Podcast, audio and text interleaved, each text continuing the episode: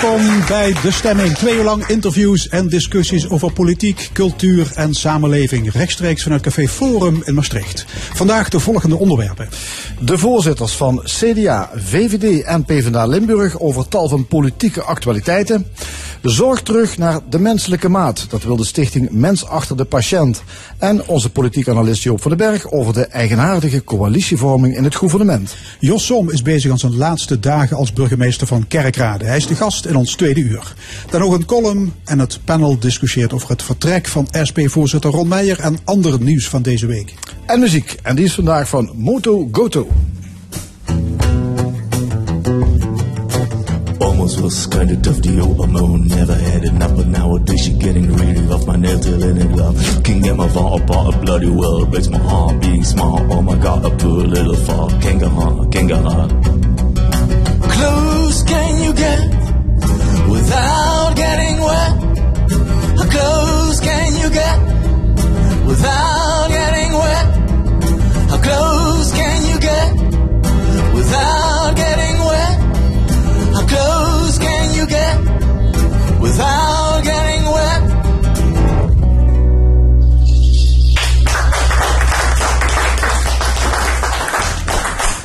PvdA, de grootste partij in Limburg. Rechtscollege van GS in de maak. Ron Meijer weg als voorzitter van de SP. En Buma uitgezwaaid. Een greep uit het politieke nieuws van afgelopen week. En stof genoeg dus voor een rondetafelgesprek met drie provinciale voorzitters. Jacques Kostongs van de Partij van de Arbeid. Onne Hoes van de VVD. En Harald Schreuder van het CDA. Heren, welkom. Ik wil beginnen met eh, de coalitievorming in het gouvernement. Er wordt een college van CDA, VVD, Forum voor Democratie en PVV in elkaar getimmerd. Jacques Kostongs, PvdA, uw partij spreekt van een knetterrechts college. Wat vindt u ervan? Dat eh, is een eh, correcte typering, hè, als eh, dat de uitkomst is. Ik ben nog even aan het afwachten wat nou feitelijk gaat gebeuren. Want tot nu toe eh, wordt er eh, gesproken over een eh, extra parlementaire eh, variant. Eh, dus dat betekent dat het volstrekt onduidelijk is wat daar eh, nog van overeind blijft. Je ziet dat de VVD in feite al kiest voor een rechtse variant. Maar ze hebben gezegd, ja, als het CDA dat niet wil, nou ja, dan, eh, dan, dan mag dit. Ja. Dus ik ben benieuwd wat de uitkomst is. Op zich genomen legitiem hoor, want de verkiezingsuitslag heeft aangegeven dat die coalitie Ja, kom ik mogelijk straks is. uitgebreid op, op terug. Een rechtscollege, knetterrechts. Notabene in de week dat de PvdA de grootste in Limburg is geworden. Ja, we waren net te laat bij de statenverkiezingen. of te vroeg bij de statenverkiezingen. En daarna hebben we dat gecorrigeerd. Harald Schreuder, voorzitter CDA Limburg. Is dit de coalitie van uw voorkeur? Ehm, eerst even op de laatste opmerking van, eh, van, van, eh, van Kostongs. Eh, bij de provinciale statenverkiezingen deed Frans Timmermans natuurlijk niet mee. Ehm, ehm, dus dat, eh, dus dan, was de uitslag nooit veel anders geweest dan dat hij nu is. Eh, ten aanzien van of dit de gewenste uitkomst is. eh, het CDA heeft een programma gepresenteerd, Zin in Limburg, voor de provinciale statenverkiezingen. En eigenlijk het belangrijkste uitgangspunt van dat verkiezingsprogramma was dat partijen vooral moesten meedoen in een coalitie. Eh, de uitgangspunt was daarbij dat, eh, eh, dat eh, een zo breed mogelijk college zou moeten worden opgestart. Eh, en in feite de koers die Ger Koopmans nu gaat eh, als formateur, is juist proberen om zoveel mogelijk partijen te betrekken maar wat is bij nu het het antwoord provinciebestuur. op mijn vraag? Is Nou, dit de dat coalitie het- van dat voorkeur? Dat de voorkeur zou zijn op het moment dat, er aan de, dat, de, dat het oude motorblok overeind zou blijven. Dus dat Partij van de Arbeid en D66 mee zouden blijven doen. Eventueel zelfs met GroenLinks erbij. Eh, maar op het moment dat het de provincie moet wel bestuurd worden. Dus als dit de uitkomst is, dan is dit de uitkomst. Onno Hoes, voorzitter VVD Regio Zuid. Wat vindt u van de laatste ontwikkelingen? Nou ja, ik was het met je inleiding niet eens dat er ineens een coalitie van vier partijen is. Want er is helemaal geen coalitie. Is een bestaande coalitie. eh, en de Er is een coalitie in de maak. Nee, hebben de Staten hebben uitgesproken dat die bestaande coalitie, laten we eens kijken wie erop kunnen aansluiten om een goede werkbare meerderheid te hebben, een goed programma te hebben. Eh, er zijn heel veel partijen die elkaar hebben uitgesloten. Er zijn vier partijen die elkaar niet hebben uitgesloten. En wat ik dus heel bijzonder vind, is dat de Partij van de Arbeid hier aan tafel zit en denkt van ja, als je dus niet de hand aanneemt in feite die uitgestoken wordt door vier andere partijen, terwijl je het programma nog niet eens hebt samengesteld, ja, dan denk ik, welke verantwoordelijkheid neem je nou? Dan kun je lekker groot worden in Europa en, heel Bra- en een hele... Ja, goede vraag voor Jacques moet, Kostons. ik moet eerlijk zeggen, ik kan dit, eh, dit absoluut niet volgen. Hè. De, de twee partijen, CDA en VVD, zitten samen in de regering. Ja, dan worden ze weggevaagd. Maar het gaat niet om de regering, het gaat worden om de coalitie in Limburg. Dan worden ze weggevaagd bij de, eh, bij de provinciale statenverkiezingen en hebben daardoor geen meerderheid meer met een coalitie in de Tweede Kamer. Wat doen ze? Wat elke normale partij dan doet, is zegt, nou dan ga ik me inspannen om die meerderheden ook te realiseren in die Eerste Kamer. Wat let ons om te zeggen, we hebben hier de mogelijkheid om een fatsoenlijke coalitie neer te zetten, waar een eenduidig geluid uit kan komen en we zorgen ervoor dat er groot draagvlak voor is. Maar heb je nou over de Tweede Kamer, de Eerste Kamer, gewoon over Limburg? Het gaat om Limburg en hier proberen we een goede ik- meerderheid te krijgen. Een goed programma voor de Limburgers die de verantwoordelijkheid willen nemen om er iets van te maken in deze samenleving. En dan wil je niet meedoen. Wij dat vind ik jammer. Maar je hebt de wij kans weer om terug te komen Wij natuurlijk de komende proberen week. altijd een beetje consistent te zijn en niet te denken op het ene echelon doe iets anders dan op het andere. Maar dat maakt het dus heel ingewikkeld. Want Ja. als je nu ziet dat heel veel Limburgers hebben gekozen voor twee partijen waar wij geen van drieën voor zouden stemmen. Maar ik zou ook niet voor jullie partijen stemmen. Eh, maar de PVV en Forum voor Democratie. En dan kun je zeggen, laten we die mensen de kant staan. Ja. Dat zijn mensen die een signaal willen afgeven. Of nemen die mensen in de serieus. Wat ik tot nu wordt toe... niemand aan de kant gezet als hij niet eh, in een eh, college komt te zitten. Maar, maar de vraag van meneer dit is, waarom wil de Partij van de Arbeid niet in zee met Forum en of PVV? Er zijn zo'n fundamentele verschillen tussen die partijen. Als je daar een consistent beleid op wilt voeren, ja, dan is dat volstrekt onmogelijk Maar op ik- dit ogenblik. maar- dat, dat blijkt ook, want op het moment dat je naar de inhoud gaat, dan komt er of een zodanig algemeen verhaal uit dat eh, ja, het bijna niet zeggend is, en, hè, dat door iedereen kan onderschreven worden. En op het moment dat je ook maar één stap de diepte ingaat, wat wij al een maand lang vragen, laten we nou die gesprekken eens in de diepte voeren, want dan zie je dat het helaas onmogelijk is om zo'n coalitie te Oké, vormen. nou dan kun je nog kiezen voor het motorblok, zoals u dat noemde, meneer Hoes, aangevuld met GroenLinks. Dan heb je een meerderheid. Waarom kiest bijvoorbeeld het CDA dan niet voor? Nou, eh, Dus de bestaande coalitie, het motorblok, aangevuld met GroenLinks. Klaar is Kees. Nou ja, wat, wat, eh, wat de vorige eh, co- coalitieperiode natuurlijk gebleken is met, met de SP. de SP is op enig moment om haar moverende redenen uit de coalitie gestapt.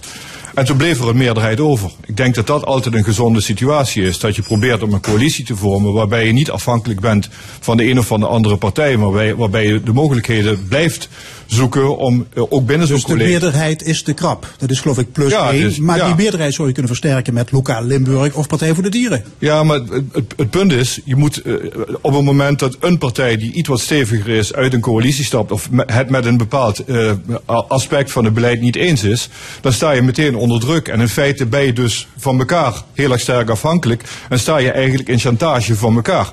Elke afzonderlijke partij kan op het moment dat hij zegt van ik wil niet meer, kan die een eh, in zijn eigen richting trekken. En dan krijg je geen breed gedragen eh, meerderheden meer voor, je, voor de, Nou, voor de toen- stukken die je voorstelt. Goed, toen liep het vast. En Ger Koopmans, een van de informateurs, kwam Ja. toen op het idee van een extra parlementair college. Ja, Niet gebaseerd op politieke kleur, maar op deskundigheid. Hè, dan moet je op zoek naar steeds wisselende meerderheden. Wat vinden jullie van deze vinding? Onne Hoes, VVD. Nou, nou ja, op zich vind ik, het- vind ik het een, een spannende. eh, want het is nog nergens gebeurd. En iedere keer denken we, er moet echt een ramp zijn of chaos zijn om het voor elkaar te krijgen. En hier vind ik wel het spannend dat je zegt, laten we dit eens gaan proberen. Want dat betekent dat er eh, maximaal zeven gedeputeerden gaan komen van verschillende politieke kleuren.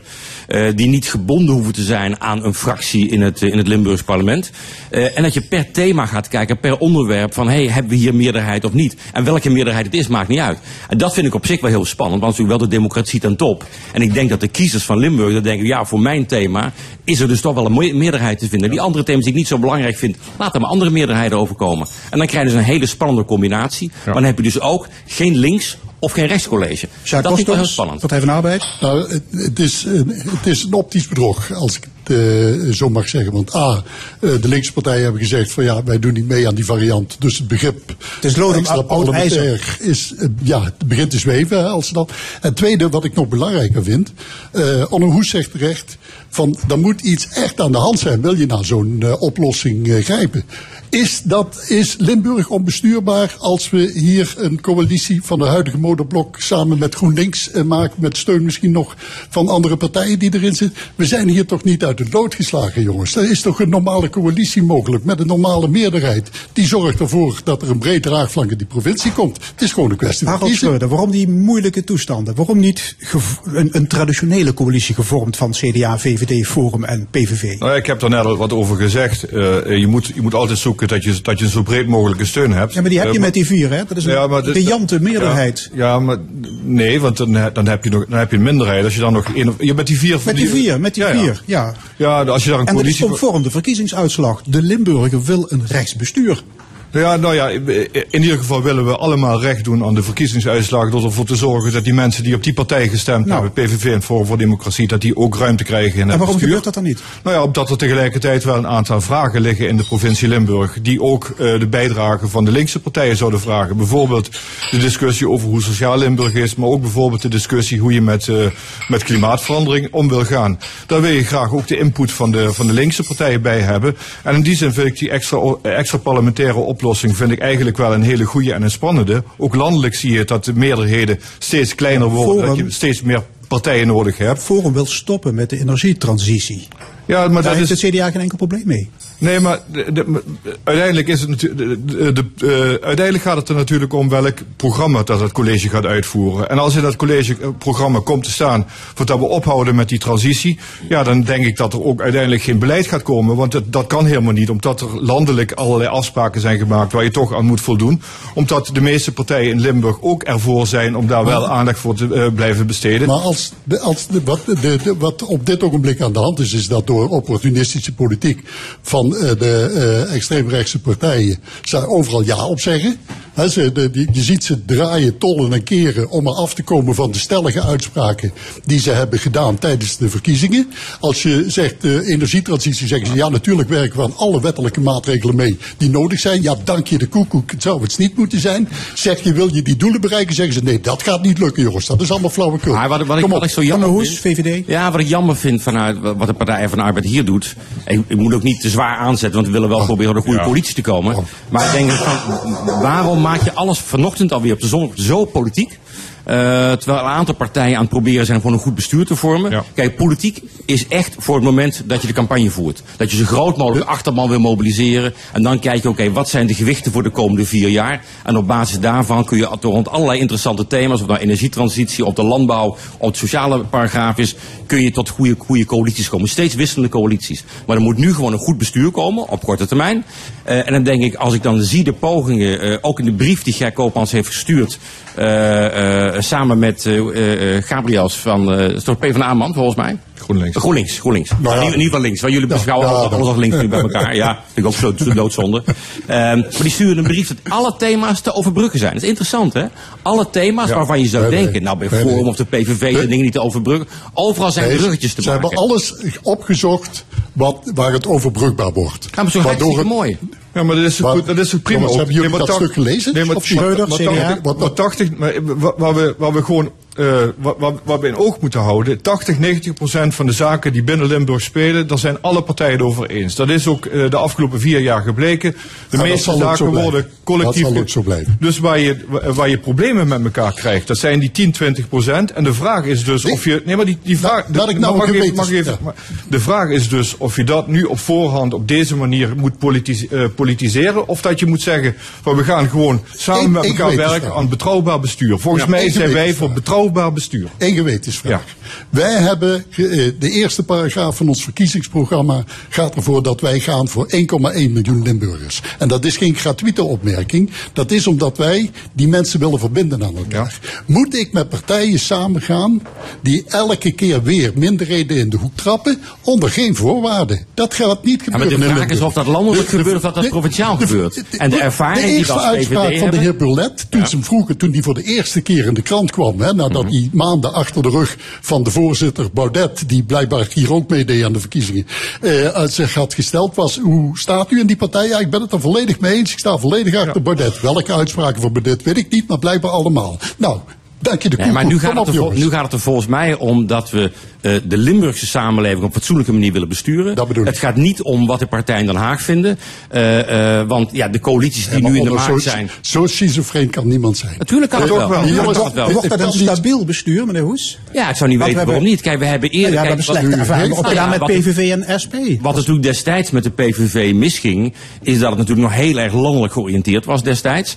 Eh, we hadden toen nog die enorme rel met die Turkse president die overigens hier op visite kwam. En daarna viel het, viel eerst het college hier en viel daarna het kabinet. Ja. Dus we hebben als Limburg wel geschiedenis met de PVV, zal ik maar zeggen. Maar de afgelopen jaren zijn het veel bestuurlijker en veel redelijker mensen geworden. Wat ik er nu toe terug hoor, Ik- ik weet niet is welke over de mensen van Forum, is dat het ook steeds stabieler aan het worden is. Eh, ook in de onderhandelingen. Dan denk je, jongens, give it a try. Laten we gewoon het- proberen Of is het om zo dat bestuur de. VVD iets meer gewend is geraakt aan die extreemrechtse uitspraken? Want ik zag mevrouw Strauss toch eigenlijk redelijk opgewekt kiezen voor eh, de rechtervariant, moet ik eerlijk Nee, zeggen. maar, ik, maar het, Tot teleurstelling van het CDA. nee, maar het, het- Schreuder, CDA. Nou ja, het, het, het- het punt is natuurlijk. eh, eh, eh, kijk, op het moment dat er ook maar vijf mensen uitgesloten worden door dit co- college, doet het CDA ook niet mee.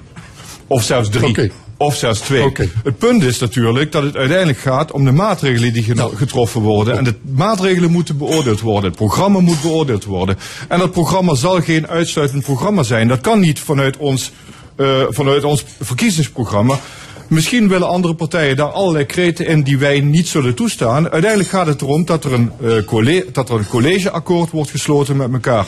Waar partijen van vinden eh, van nou, daar, daar gaan we voor, waar mensen voor willen gaan lopen. Om ervoor te zorgen dat juist ook die 20, 30, 40 procent mensen die op die partij gestemd hebben zich niet uitgesloten voelen. Wat u doet namelijk is niet zozeer voor die, eh, voor die 1,1 miljoen mensen gaan. U gaat ervoor om die mensen die gestemd hebben Ja, voor, nee, nee, voor nee. democratie en PVV uit te sluiten van het college. Zal, ik, zal ik Ja. u nog een grapje vertellen? U bent te jong om dat te hebben meegemaakt. In 1977 had de Partij van de Arbeid 52 eh, zetels. De grootste partij in Nederland. En we werden door het CDA en VVD eruit gezet. Ik heb dat altijd heel legitiem gevonden. Want dat kan gebeuren in een uh, politiek maar wij zijn- wij- wij- We zitten hier niet op... Ik, ik wil eigenlijk wel eh, even naar een ander onderwerp. Het feestje van meneer Kostongs dan. eh, de, de, de, de verkiezingen voor het Europees Parlement. Eh, want daar werd opeens alles anders. Eh, de glorieuze comeback van de Partij van de Arbeid. Of moeten we toch zeggen, dit was het Frans Timmermans effect.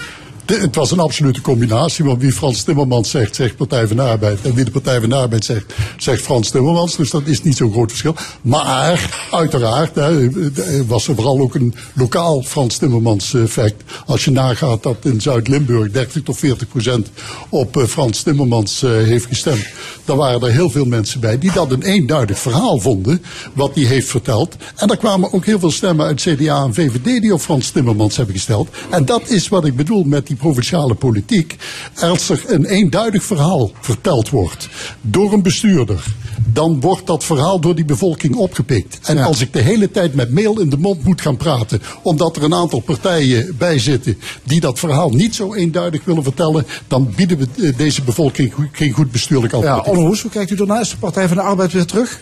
Van weg geweest? Nou ja, ik zag vandaag de landelijke peilingen dat VVD en PvdA beide weer gewonnen hebben. Eh, peilingen, hè? dat zijn peilingen, Eh, hè? peilingen, maar dat betekent dat de stemming in het land weer iets positiever, eh, ook voor de Partij van de Arbeid is. Nou, dat is hartstikke fijn, want op zich is het een bestuurlijke partij. En daarom even terug naar het vorige rondje, hoop ik echt van harte dat de PvdA ook gewoon gaan mee gaat doen in Limburg. Want het is een bestuurderspartij. Ja, jullie willen maar terug naar die coalitievorming, merk ik. Hè? Maar ik- Nou ja, ik, ik, ik, ik vind het jammer dat, dat een partij als de PvdA, wat een grote Ja. partij is, een belangrijke partij, ook met roots in Limburg, als, je, als je die niet mee zou kunnen krijgen. Dus we moeten er alles aan doen met elkaar om te zorgen van, kom op jongens. Maar, maar die, die. En Europese de verkiezingen, hè? De, Ja. de combinatie van persoon en programma. Ja, en, eh, Persoonprogramma. Nou ja, dat is ook in de politiek En steeds. ja, Ja, maar wa- waarom, waarom kiezen andere partijen die meedoen aan die Europese verkiezingen dan niet voor aansprekendere lijsttrekkers? Nou ja, dit is met aansprekende lijsttrekkers. Daar begint het mee, want je ziet Schreuder, dat het CDA bijvoorbeeld. Eh, heel veel mensen kennen natuurlijk al die andere lijsttrekkers niet.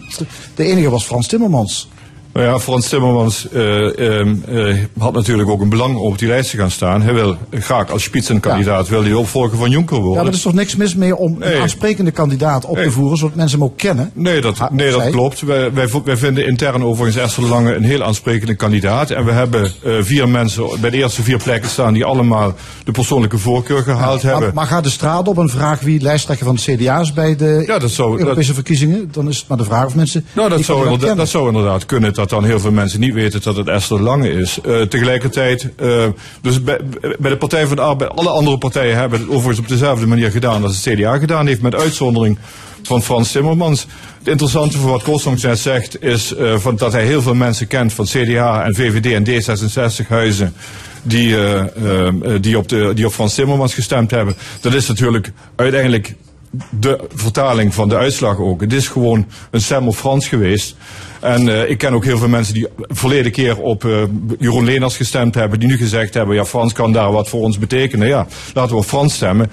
Ik moet nog zien of dat een terugkomst, terugkeer van de Partij van de Arbeid betekent. Ik ondersteun helemaal wat Onno net zegt van verdorie, uh, Partij van de Arbeid doen er gewoon mee hier in de, hier in de provincie. Ja, maar daarom om het spel uh, uh, allemaal positief af te sluiten wat mij betreft. Ik ben ook blij met de nieuwe kandidaten bij het CDA. Want ik denk dat, die, dat twee potent, potentiële lijsttrekkers zijn bij het CDA die het goed zullen doen in de komende verkiezingen. Ja, jullie vinden elkaar allemaal best wel aardig. Ja. Dat, is, dat is duidelijk. Oké, okay, tot slot nog even de landelijke politiek. Het kabinet Rutte 3 zit er nu dik anderhalf jaar. meneer Hoes, wat wordt de grote lakmoesproef?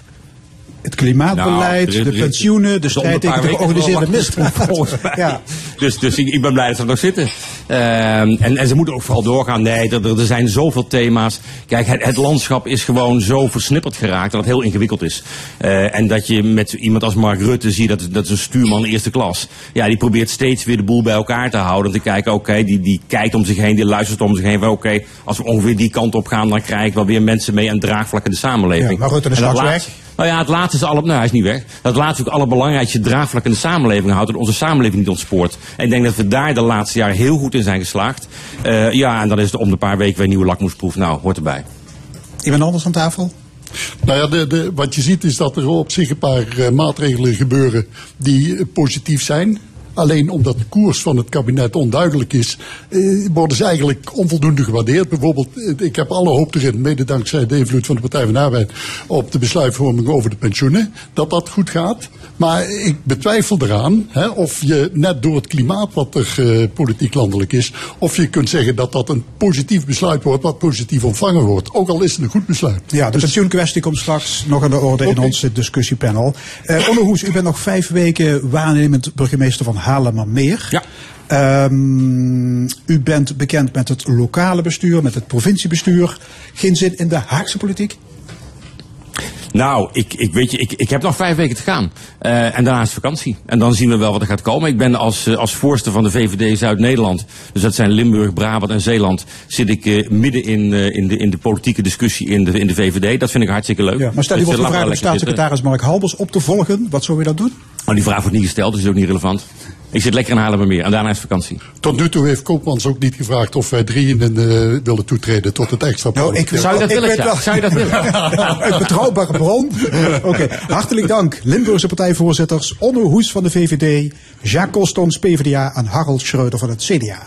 Okay. En zometeen hier in de stemming twee jaar stichting Mens achter de patiënt. Maar eerst de tweemansformatie Moto Goto. Die zit hier op het podium van Café Forum. Twee man sterk, Koen van Dam en Elwin de Vries. We gaan luisteren naar hun eerste nummer, Not Too Fair.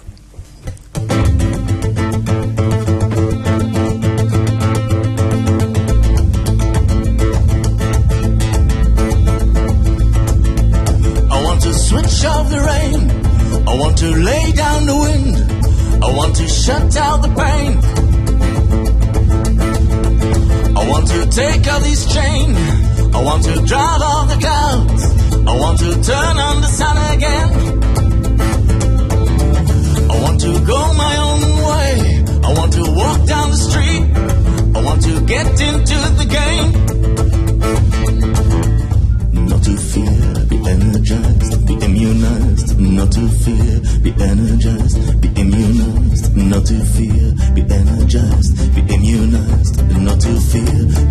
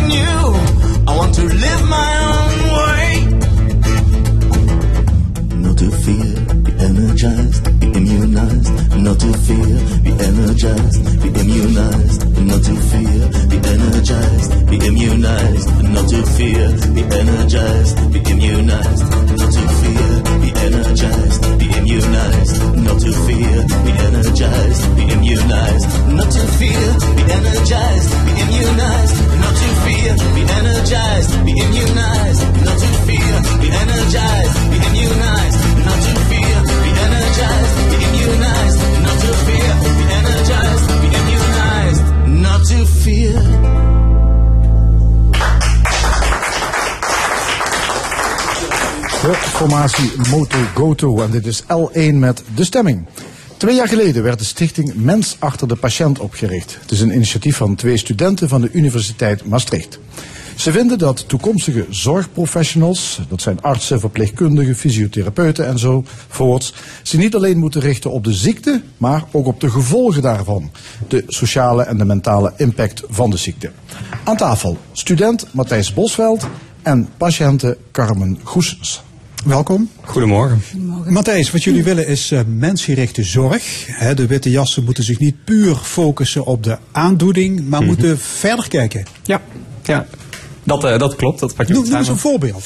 Nou, ik denk dat ehm, ik, ik zal meteen. eh, ik ben student geneeskunde en eh, in die opleiding merkte ik heel erg dat je technisch supergoed wordt opgeleid. Alleen het houdt een beetje op daar waar ehm, het voor mij het interessante begint.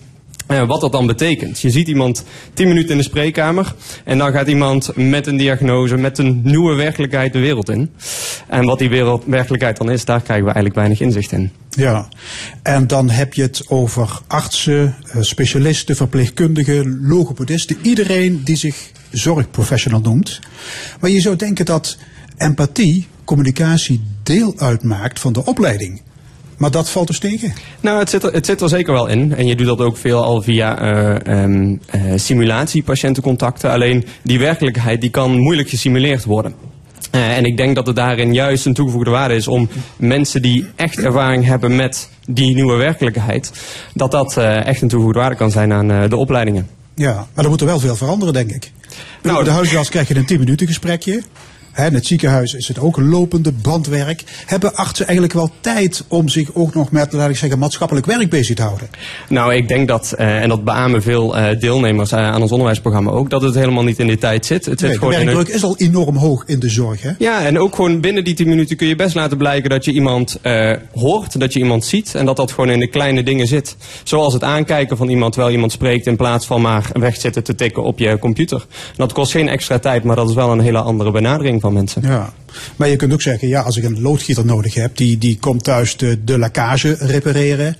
En die houdt zich niet bezig met de waterschade en met de verzekering. Mhm. Ja. Maar dat moet de arts eigenlijk wel. Nou, dat, dat, de patiënt bestaat ook niet, dus dat is ook voor iedere patiënt verschillend. Maar ik denk wel dat het goed is om te beseffen dat eh, er verschillende behoeften zijn en daarmee in aanraking te komen. En daar dus ook op af te stemmen. Carmen Goesens, je bent eh, vrijwilliger bij de mens achter de patiënt. Als patiënt, mag ik vragen wat je, wat je hebt? Nou, ik ben 12, en- ruim, ruim 12 jaar geleden getroffen door een herseninfarct. En ehm, nou, dat heeft heel veel consequenties eh, meegebracht. Ik was verlamd, ik kon niet meer aan mijn, aan mijn spraak. Ik ben emotioneel, zoals u merkt. Ehm, en de eenzaamheid sloeg toe. En toen ik mijn herseninfarct kreeg, ehm, woonde ik in Zeeland. En, eh, En we wilden terug naar de Hoed. We wilden terug naar Maastricht. Ja. Je hebt eh, ja, dus 13 jaar lang ook ervaring hè, met, Ja. met artsen, met, met ziekenhuizen, klinieken. Eh, Kun je zeggen dat het zorgpersoneel te veel gericht is op genezing en te weinig op, laat ik zeggen, de psychologische aspecten? Absoluut. Ehm, als ik een voorbeeld mag noemen. Ik heb mijn laatste gesprek met de revalidatiearts gehad.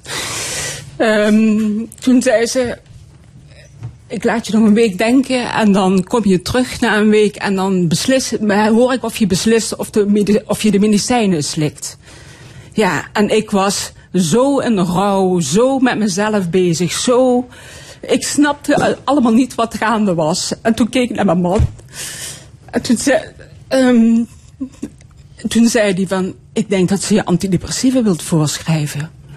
Ik zeg, maar mevrouw, dat is veel te makkelijk. Eh, eh, ik wil geen antidepressiva. En ze sloot, ze deed zo dossier dicht en zei, dan kan ik niks meer voor u doen. En we stonden buiten met ons tweeën. Dus je kreeg antidepressiva voorgeschreven. Ja, dat is niet het is niet overleg met jou. en Je had ook helemaal geen behoefte aan. Nee. Ja, ko- komen dit soort dingen, komt dat nou vaak voor? Ja, ik Die, ben die top-down benadering, van zou ik wel. maar zeggen. Mhm. Ja, en dat is ook een artefact van het verleden, hè, waar die arts nog op een voetstuk stond en eh, heel paternalistisch eh, gekeken werd naar, eh, eh, naar eh, ziekten. En ik denk dat dat eh, steeds meer gaat veranderen in de toekomst. Ook in de zin van ehm, mensen worden eh, steeds chronischer ziek. ehm, of steeds meer chronisch van aard. Ehm, en ze krijgen meerdere ziektes. Dus daarin is ook dat samenwerking onderling steeds belangrijker wordt. Ja, dus hoe meer chronische ziekte, hoe meer zorg. Ook voor de mentale aspecten van de ziekte. Ja, dat denk ik wel. Dat denk ik wel. Matthijs, je kwam op het idee om mensen achter de patiënt op te richten naar een college. Toen deed de hoogleraar een anamnese, een, een intakegesprek is dat met een maagpatiënten. En aan het einde van dat college vroeg de hoogleraar aan die patiënten... wat zou je deze 300 studenten willen meegeven? En wat zei zij toen?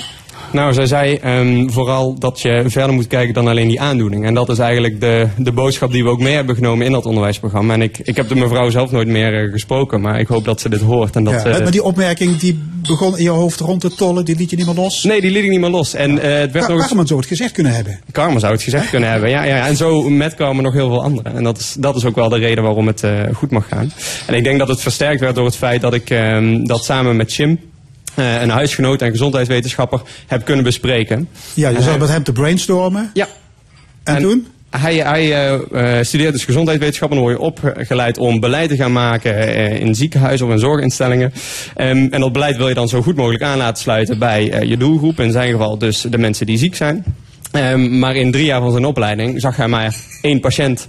Ehm, en dat was dan ook nog zijn oom die die zelf eh, al, al in drie jaar kende. opleiding zag hij één patiënt. Ja, ja, ja, ja. Dus hij vroeg zich daarmee ook af van hoe kan ik nou beleid maken dat aansluit bij die belevingswereld als ik die doelgroep eigenlijk helemaal niet ken. Toen heb je de stichting opgericht. Mhm. Stichting eh, Patiënt, eh, nee hoe heet het? Mens achter patiënt. achter de patiënt. Jullie brengen studenten en patiënten bij elkaar in drie bijeenkomsten. Hoe gaat dat? Ehm, nou, dat gaat eigenlijk ehm, goed, als dat eh, de vraag is. Ehm, studenten van verschillende onderwijsinstellingen, dus van Zuidhogeschool doen de eh verpleegkunde, eigenlijk de paramedische opleidingen mee. De mbo-instellingen hier in Limburg, die co- combineren we allemaal samen in eh, het klaslokaal, samen met ervaringsdeskundigen, om gewoon die belevingswerelden dichter bij elkaar te brengen. Ja. Jullie databank bestaat uit 230 patiënten. Mhm. Hè, Carmen Goesens zit daar, zit daar ook bij. Inmiddels wat meer, denk Nog ik. meer zelfs. En hoe hebben jullie die mensen gevonden? Ehm, nou, en ik hebben... jullie de ziekenhuizen af? En de... Onder andere, we komen overal. Eh, nee, wij hebben eh, een jaar onze studie gepauzeerd om dit echt een, een, een kickstart te geven. We geloofden hier heilig in. En ehm, ehm, dat betekende dus ook dat wij een jaar onze studie stopzetten. En toen zijn we eigenlijk overal in de omgeving geweest. We zijn ondersteund door Burgerkracht Limburg. Die hebben die... ehm, eh, connecties met ehm, patiëntenverenigingen al. We zijn in ziekenhuizen geweest. We zijn in, eh, op Reuma Kiena- Kienavonden geweest. We zijn eigenlijk overal... Reuma Kiem, Kienavond. Ja, ja, Oké. ja, ja, ja, ja. En daar hebben we ons gezicht laten zien en gezegd van dit is waarin wij geloven. En wilt u ons daarbij helpen? En zo zijn de eerste mensen binnengedruppeld. En nu is dat eh, uit mogen groeien tot meer dan 230 mensen. Carmen, wat levert het jou op? Ja, in financieel opzicht niks, hè? het is vrijwilligerswerk. Nee, ja. Maar wat, wat, wat dan wel? Ehm, nou, als NAH-patiënt ben ik afgekeurd. Ehm, dus ik viel in, de bodem ging onder me uit. En ehm, bij de jongens, die zagen potentie in me. Want ik heb meegedaan aan zo'n onderwijsmodule. En ik was hevig, he- heftig onder de indruk van hen. En zij blijkbaar van mij. Dus zij geven me weer zin. Ik, ik heb als taak om mensen die zich inschrijven op de website, die bel ik en die schrijf ik in. En ehm, dus ik ben het doorgeefluik, eerste doorgeefluik voor hun om de verhalen Ja. te, te filmen. En jij krijgt daar energie van. ik krijg daar Ja. behoorlijk veel En die studenten zullen onder de indruk zijn van jouw eh, Ja, dat weet ik niet. verhaal. Ja, dat is zeker zo. Carmen is de juiste vrouw op de juiste plek Ja, bij ons. hoe, hoe, gaat het, hoe gaat het nu met je? Ja, nou gaat het goed. Ja. Ehm, Matthijs, e-health is een opkomst. Hè? Eh, met behulp van apps ja, kan de patiënt thuis alles meten. Dan kom je nog minder in aanraking met de zorgprofessionals. Dus dat intermenselijke cont- contact wordt straks nog kleiner. Ja, en daarmee misschien juist ook wel des te belangrijker. Gewoon, ik denk dat zorg bij uitstek een, een, een sector is waarin een menselijke benadering en warmte de essentie eh, van het vak is. En eh, als daar inderdaad eh, e-health kan, heeft heel veel mogelijkheden. En zeker ook in de chronische fase. En dat juich ik ook alleen maar toe. Maar daardoor wordt juist die menselijke benadering in een consult dat je wel Ja, hebt, de keren dat je dan wel bij de dokter komt. des te belangrijker. Ja. Ja. Eigenlijk zou jullie stichting niet moeten bestaan, hè? Ik bedoel, mensgerichte zorg zou toch vanzelfsprekend moeten zijn. Alleen dat woord al, mensgerichte zorg. Ja, Het is een raar woord, toch? Ja, ja, ja. En, en ik, wij denken ook gewoon dat eh, elke zorgprofessional elke ochtend gewoon opstaat om mensgerichte zorg te leveren. Niemand staat op eh, met slechte intenties. Daar geloven wij eh, helemaal niks van. Ehm, maar helaas eh, blijkt de praktijk toch weer barstiger. En eh, om daar dan een extra stukje aandacht eh, aan eh, te besteden voor die studenten, eh, of die zorgprofessionals SP eigenlijk, eh, ja, dan zijn we blij dat we daar een beetje aan kunnen bijdragen. Ja. Helemaal mee eens? Je ziet het ook in de, in de onderwijsruns dat eh, de, de toekomstige zorgprofessionals, ja, die, die, haha, daar gaat het over. Ik las een interview met eh, zorgminister Hugo de Jonge. En die zegt, we moeten terug naar het gezond verstand. Minder markt, minder concurrentie, meer samenwerking. Terug naar de menselijke maat. Dat moet jullie als muziek in de oren klinken? Ja. Ja, wij eh, nodigen minister De Jonge uit eh, om een keer te komen kijken wat we hier in Limburg Ja. doen. Maak hem erelid. Zeker, Hè? Hey, kunnen jullie nog eh, eh, studenten en patiënten gebruiken? Ehm, ja, ik denk het wel. We zijn aan het groeien hier in Limburg. Ehm, we zijn eh, dus twee jaar geleden opgericht. Toen hebben we 222 studenten eh, mogen onderwijzen. Dit jaar zijn dat er al 800. En dat gaat dus ook gepaard met de groei in het aantal ervaringsdeskundigen die we in willen zetten. Ehm, dus ehm, volgend jaar gaan we het nog verder uitbreiden. En daarmee hopen we eigenlijk dat we nog zoveel mogelijk mensen kunnen bereiken. En mensen deel willen nemen aan ons onderwijsprogramma. Ja, jij bent zelf samen met Jim de, de enige twee betaalde krachten. Ja, Ja. ja, ja. Ja. Goed, mensachterdepatiënt.nl. Dat is het, eh, het webadres, hè? Mensachterdepatiënt.nl. Ja. Hartelijk dank, Carmen Goesens en Matthijs Bosveld. Graag gedaan.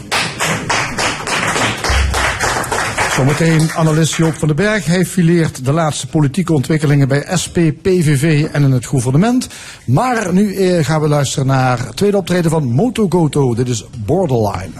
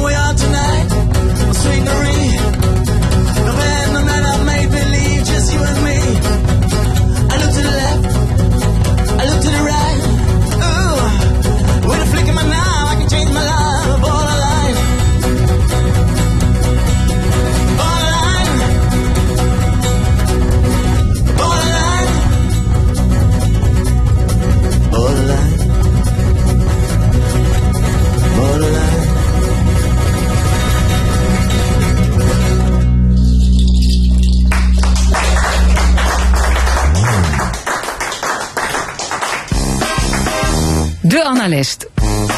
Vandaag politiek analist Joop van den Berg. Goedemorgen Joop. Goedemorgen. Ja, we hadden het eerder in deze uitzending al eh, uitgebreid over de formatie in het gouvernement. En we zijn natuurlijk ook benieuwd naar jouw analyse als parlementair historicus. Ja. Want ja, een extra parlementaire ja, regering, eh, provinciale regering, maar dat klinkt een beetje raar. Maar een coalitie. Eh, hoe bijzonder is dat eigenlijk, eh, om zoiets te bedenken? Ja, het- ja, ja en nee. Hè. Bedoel, we hebben tijden gehad dat het eigenlijk altijd extra parlementair was. Eh Oh ja? Het was ook helemaal geen programmaakkoord. Hoewel ik denk dat de meeste mensen toch denken dat er altijd wel coalities gevormd zijn op basis meerdere natuurlijk wel. Maar dat, eh, er zijn tijden geweest dat het in een dag gebeurde. Eh, ook in de gemeente. Daar werd niet over onderhandeld. Er ging één kandidaat, wethouder, naar de andere en die zei: We gaan het zo doen. En eh, vervolgens werden er soms in een betrekkelijk wilde verkiezing. eh, werden er wethouders, respectievelijk gedeputeerden gekozen. Ja, je zegt en dat, natuurlijk. dat is recentelijk gebeurde dat nog. en daar hebben we het over. Ja, pas in de jaren 70 is langzaam eh, het idee op gang gekomen. De doctrine, je moet over een programma onderhandelen. En wat ook belangrijk is, dat is heel sterk onder invloed van de Partij van de Arbeid en andere linkse partijen gebeurd. Er moet een meerderheid tegenover een oppositie komen. Het CDA heeft die gedachte eigenlijk nooit eh, zo aanvaard.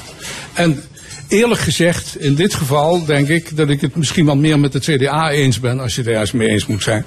eh, dat in provincies en gemeenten een verdeling regering-oppositie, bestuur-oppositie, dat dat eigenlijk helemaal niet bij het soort bestuur past eh, dat daar uitgeoefend wordt. Want een hele hoop is bestuur een opdracht. Een hele hoop eh, bestuur is van een aard waarvan je kan zeggen, je kan erover van mening verschillen. Maar daar komen geen grote ideo- ideologieën bij te pas. Eh, en dat strijdt hier ineens met elkaar. Omdat je ziet dat Komans is van de klassieke CDA-doctrine. Wij in het midden met links iemand naast ons en rechts iemand naast ons. Dus ook voor het CDA bijna altijd de veiligste, hoe heet het, constructie. Maar het is ook wel hun eigen overtuiging, denk ik. Eh, bij de Partij van de Arbeid en andere partijen speelt veel meer de idee van nee, je moet een meerderheid vormen waar tegenover een oppositie staat straks. En een oppositie van enige betekenis. Alleen oppositie van enige betekenis in de provincie. Want ik kan me daar niet zoveel bij voorstellen. Dat is het lastige daarvan. En ik weet ook uit eh, ondervinding wel dat waar de Partij van de Arbeid bijvoorbeeld in de gemeenteraad, in de oppositie terechtkomt, ze ongelooflijk aan invloed en macht verliest. Niet omdat, eh, omdat ze het allemaal zo vreselijk oneens zijn, maar je hebt een informatieachterstand die echt vreselijk is. Nou, dus je zou dat zoveel mogelijk moeten vermijden. Daar staat één ding tegenover. Ik vind dat Komans een beetje te snel uh, van ja, toen hij van het idee van dat brede college moest afstappen, uh, naar die extra parlementaire variant is uh, gewandeld. En dat doet me denken aan wat Jelle Zijlstra ooit tegen een iets te ongeduldige Smelser zei in de jaren 60 toen hij een kabinet moest formeren in een crisis. Eerst de verplichte figuren, Norbert. En dan kan je aan de vrije kuur beginnen. Ja. dus je moet eerst netjes de coalities langs die mogelijk zijn. Ja. En dan pas kun je zeggen, oké, okay, wij gaan naar ja. een ander soort van... Het, het, is gewoon te snel. Er zijn een paar stappen overgeslagen. Ja, ja, ik bedoel snel. Het is niet snel in tempo, want we zijn al weken lang bezig. Ja, maar er zijn, maar... er zijn stappen overgeslagen die noodzakelijkerwijze genomen dienen te Eigenlijk worden. kun je pas overtuigend zeggen, luister eens, wij maken geen akkoord... Uh, of in ieder geval geen akkoord dat fracties bindt. Uh, als je ja, hebt vastgesteld dat een college dat wel op binding met fracties is gebaseerd onmogelijk is. Ja, maar misschien zit hem daar ook het probleem in. Want het CDA ja. kan natuurlijk onmogelijk bewijzen dat ze niet met rechts een coalitie kunnen vormen. Dat kan gewoon namelijk getalsmatig. Het kan getalsmatig, maar je moet natuurlijk wel even met elkaar bekijken of het ook inhoudelijk kan. Uh, in dat opzicht heeft iedereen gelijk die zegt, ik wil wel even zien, voorbij de vaagheden, uh, wat dat voor een programma oplevert. En of je daar als CDA ook mee uit de voeten kan. Uh, en VVD. Uh, want het motorblokje, uh, dat is natuurlijk, bestaat uit CDA en VVD. en die kunnen dus diverse kanten uit. De ene coalitie bijvoorbeeld met de twee beide rechtse partijen zou een ruime meerderheid opleveren. Met de linkse partijen moeten ze met veel meer partijen praten. En het levert nog maar een, een meerderheid van één zetel op. Dat, uh, het CDA dus heel ijverig zoekt naar uh, mogelijkheden om dat te vermijden. Want dat wordt dat, inderdaad een, een coalitie met voor iedere partij een hoge chantagepotentie. Ja. Waarom zouden en ze zelfs niet... in de provincie ja, kan dat uit de hand lopen. Ja, waarom zou de partij van, of waarom zou het CDA ook een beetje angstvallig zijn voor een rechtse coalitie met dus VVD, PVV en Forum voor Democratie? Ja, ik zou het ook geen pretje vinden om in een bestuur dat zich bijvoorbeeld in hoge mate met milieuvraagstukken moet bezighouden, dat is een van zijn echte belangrijke taken, uh, met een coalitie zit waar tegenover een heel stel fracties zitten. Die allemaal in koor uh, je gaan uitleggen hoe verkeerd je het doet. Uh, dus als je dat weet te vermijden. En CDA, zeg ik nogmaals, heeft van nature toch die behoefte om ja, aan, aan twee kanten gedekt te zijn. Ja, ze willen ook aan de linkerkant gedekt worden. Ja, dan, dan, dan ja. begrijp ik best dat ze dat liever niet nee. Hoe gaat dit aflopen? Hoe gaat dit aflopen? Helemaal zeker weten doe ik het niet. Maar het gaat nu wel in de richting van een uh, college van CDA en VVD met beide uh, uh, rechtse partijen. Ja, dus dat ligt het meest dat, voor de hand. Stel dat dat lukt, Joop. Ja. Um, dan is Limburg denk ik de enige provincie met die twee partijen samen in één provinciaal bestuur. ja, daar ziet het wel naar hoe, hoe zou dat vallen in de rest van Nederland? Stel je komt daar binnen met PVV en Forum voor Democratie gedeputeerden. Ja, nou ja, je kunt je uh, altijd beroepen op het feit dat het een coalitie met een ruime meerderheid is. En dat Limburgers blijkbaar bij de provinciale statenverkiezingen uh, met een zwaar accent naar rechts hun keuze hebben gemaakt. Dus dan moeten ze ook niet zeuren als er een college komt. Dat, dat zijn we weer het Beieren van Nederland eigenlijk. Ja, maak er maar wat van. Ja. het is wat het is, hè? Ja, het is wat ja. het is. Ik bedoel, ja. uh, en dat kan de volgende keer weer heel anders zijn. Kijk, mijn probleem is een beetje uh, dat uh, partijen praten ook alsof het om een landelijke coalitie gaat. En dat is het niet. Uh, in, de, in, de, Partij van de Arbeid moet ik tegen uh, de vrienden altijd zeggen: hoor eens, er zijn tijden geweest dat wij met de CPN in de stad samen bestuurden. En niet omdat de CPN zo'n keurig democratische partij was geworden. Want als het om uh, verdacht, uh, verdachte opvattingen gaat, ging de CPN nog heel wat verder dan zeker Forum voor Democratie. Dus ja. je kan het ook ingewikkelder maken dan nodig. Ja. Als je kijkt op de rechterflank, dan zie je dat de PVV van Geert Wilders bij de laatste verkiezingen, de Europese verkiezingen, flink wat veren gelaten heeft. Ja. Forum voor Democratie heeft natuurlijk gewonnen. Kun je zeggen dat Forum de plek van de PVV heeft ingenomen? Zijn het als het ware twee communicerende vaten, die partijen? Tot op zekere hoogte wel. Uh, maar niet helemaal. Dat zie je dus hier in Limburg bij de Provinciale Statenverkiezingen. Dat uh, hier toch een zekere trouw aan de PVV is gebleven. Uh, ondanks dat Forum voor Democratie ook hier uh, redelijk omhoog gekomen is. Uh, dus je kan ze niet helemaal op één lijn stellen. Ik denk wel dat ehm, ja, het Forum de indruk weet te wekken dat het een soort PVV, PVV voor nette mensen is. En ook toegankelijk voor mensen uit de, uit de, zeg maar de middenklasse. Ja, dat is, dat is imago, maar zie je ook inhoudelijke verschillen? Jawel, die inhoudelijke verschillen zijn er ook. Ehm, en, maar je moet, dat is het probleem, bij de PVV weet je langzamerhand wel redelijk waar je aan toe bent. Zij het dat daar ook provinciaal en lokaal uh, verschillend gedacht wordt van wat Wilders vindt, zeker als het over de islam gaat. Uh, bij Forum is het grootste probleem dat je eigenlijk niet goed weet uh, wat ze op lokaal en provinciaal terrein eigenlijk willen. Dat zal proefondervindelijk uh, uh, opgehaald moeten worden. Straks. En dat verklaart ook alweer een vrees van CDA en VVD. Want je krijgt toch met een onzeker gezelschap te maken. Dat kan goed aflopen. Maar het kan ook verkeerd gaan. Ik bedoel, met de SP ging het ook niet goed. Hè. Nee, nee, dat is een mooi bruggetje dat je nu maakt. Ja. Hè? Want de PVV haalde geen zetel meer in het Europees Parlement. Voor de SP geldt hetzelfde. Ja. Ron Meijer, de voorzitter, uit Heerlen afkomstig, is afgetreden. Ja. Of gaat aftreden. Hè? Uh, hoe moet die partij nou verder? Het probleem, ja, zou je kunnen zeggen van de SP, is dat ze zich veel en veel minder van de Partij van de Arbeid moet gaan aantrekken. Uh, alle niet-inhoudelijke opvattingen, die ontwikkelen ze natuurlijk helemaal zelf. Maar alle strategische grappen, electorale strategieën zijn telkens georiënteerd op wat gaat de PvdA doen en hoe kunnen we ze daar het leven zo zuur mogelijk maken. Denk aan 2017. Toen riep de SP met stellige overtuiging: wij gaan nooit met de VVD samenwerken. Waarom zeiden ze dat niet? Misschien niet eens zozeer omdat ze zo'n hekel aan de VVD hadden, maar omdat dat precies was waar de zwakte van de Partij van de Arbeid lag. Uh, en dat wisten ze. Alleen, wat heeft het ze opgeleverd? Uh, tussen 10 en 15 zetels, wat hun ja, vaste aanhang als het ware is.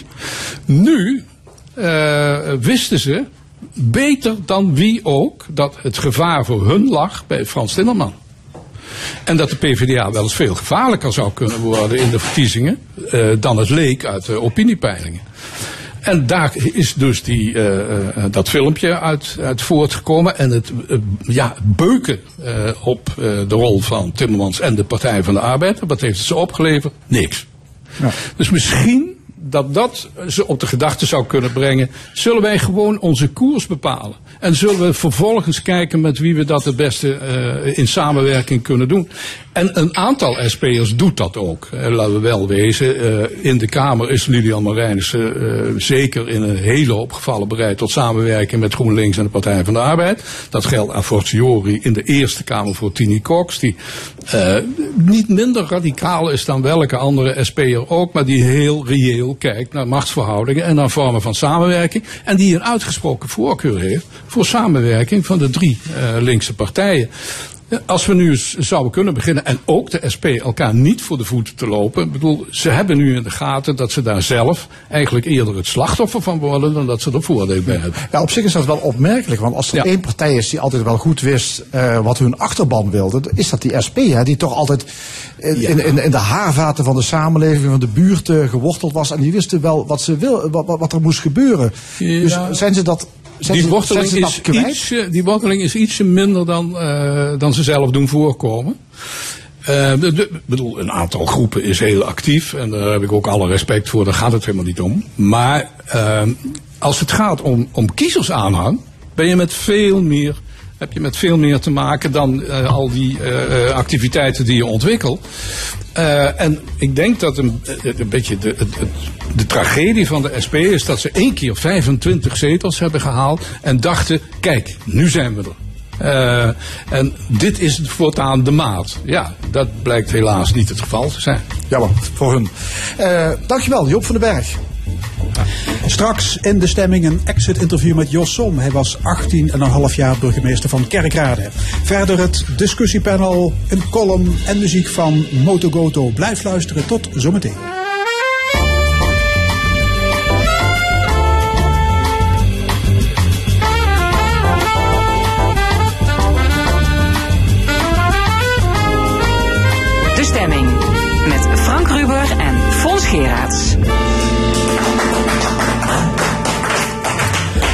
Opnieuw welkom bij De Stemming, het interview- en discussieprogramma van L1 Radio vanuit Café Forum in Maastricht. Wat nog allemaal in dit tweede en laatste uur?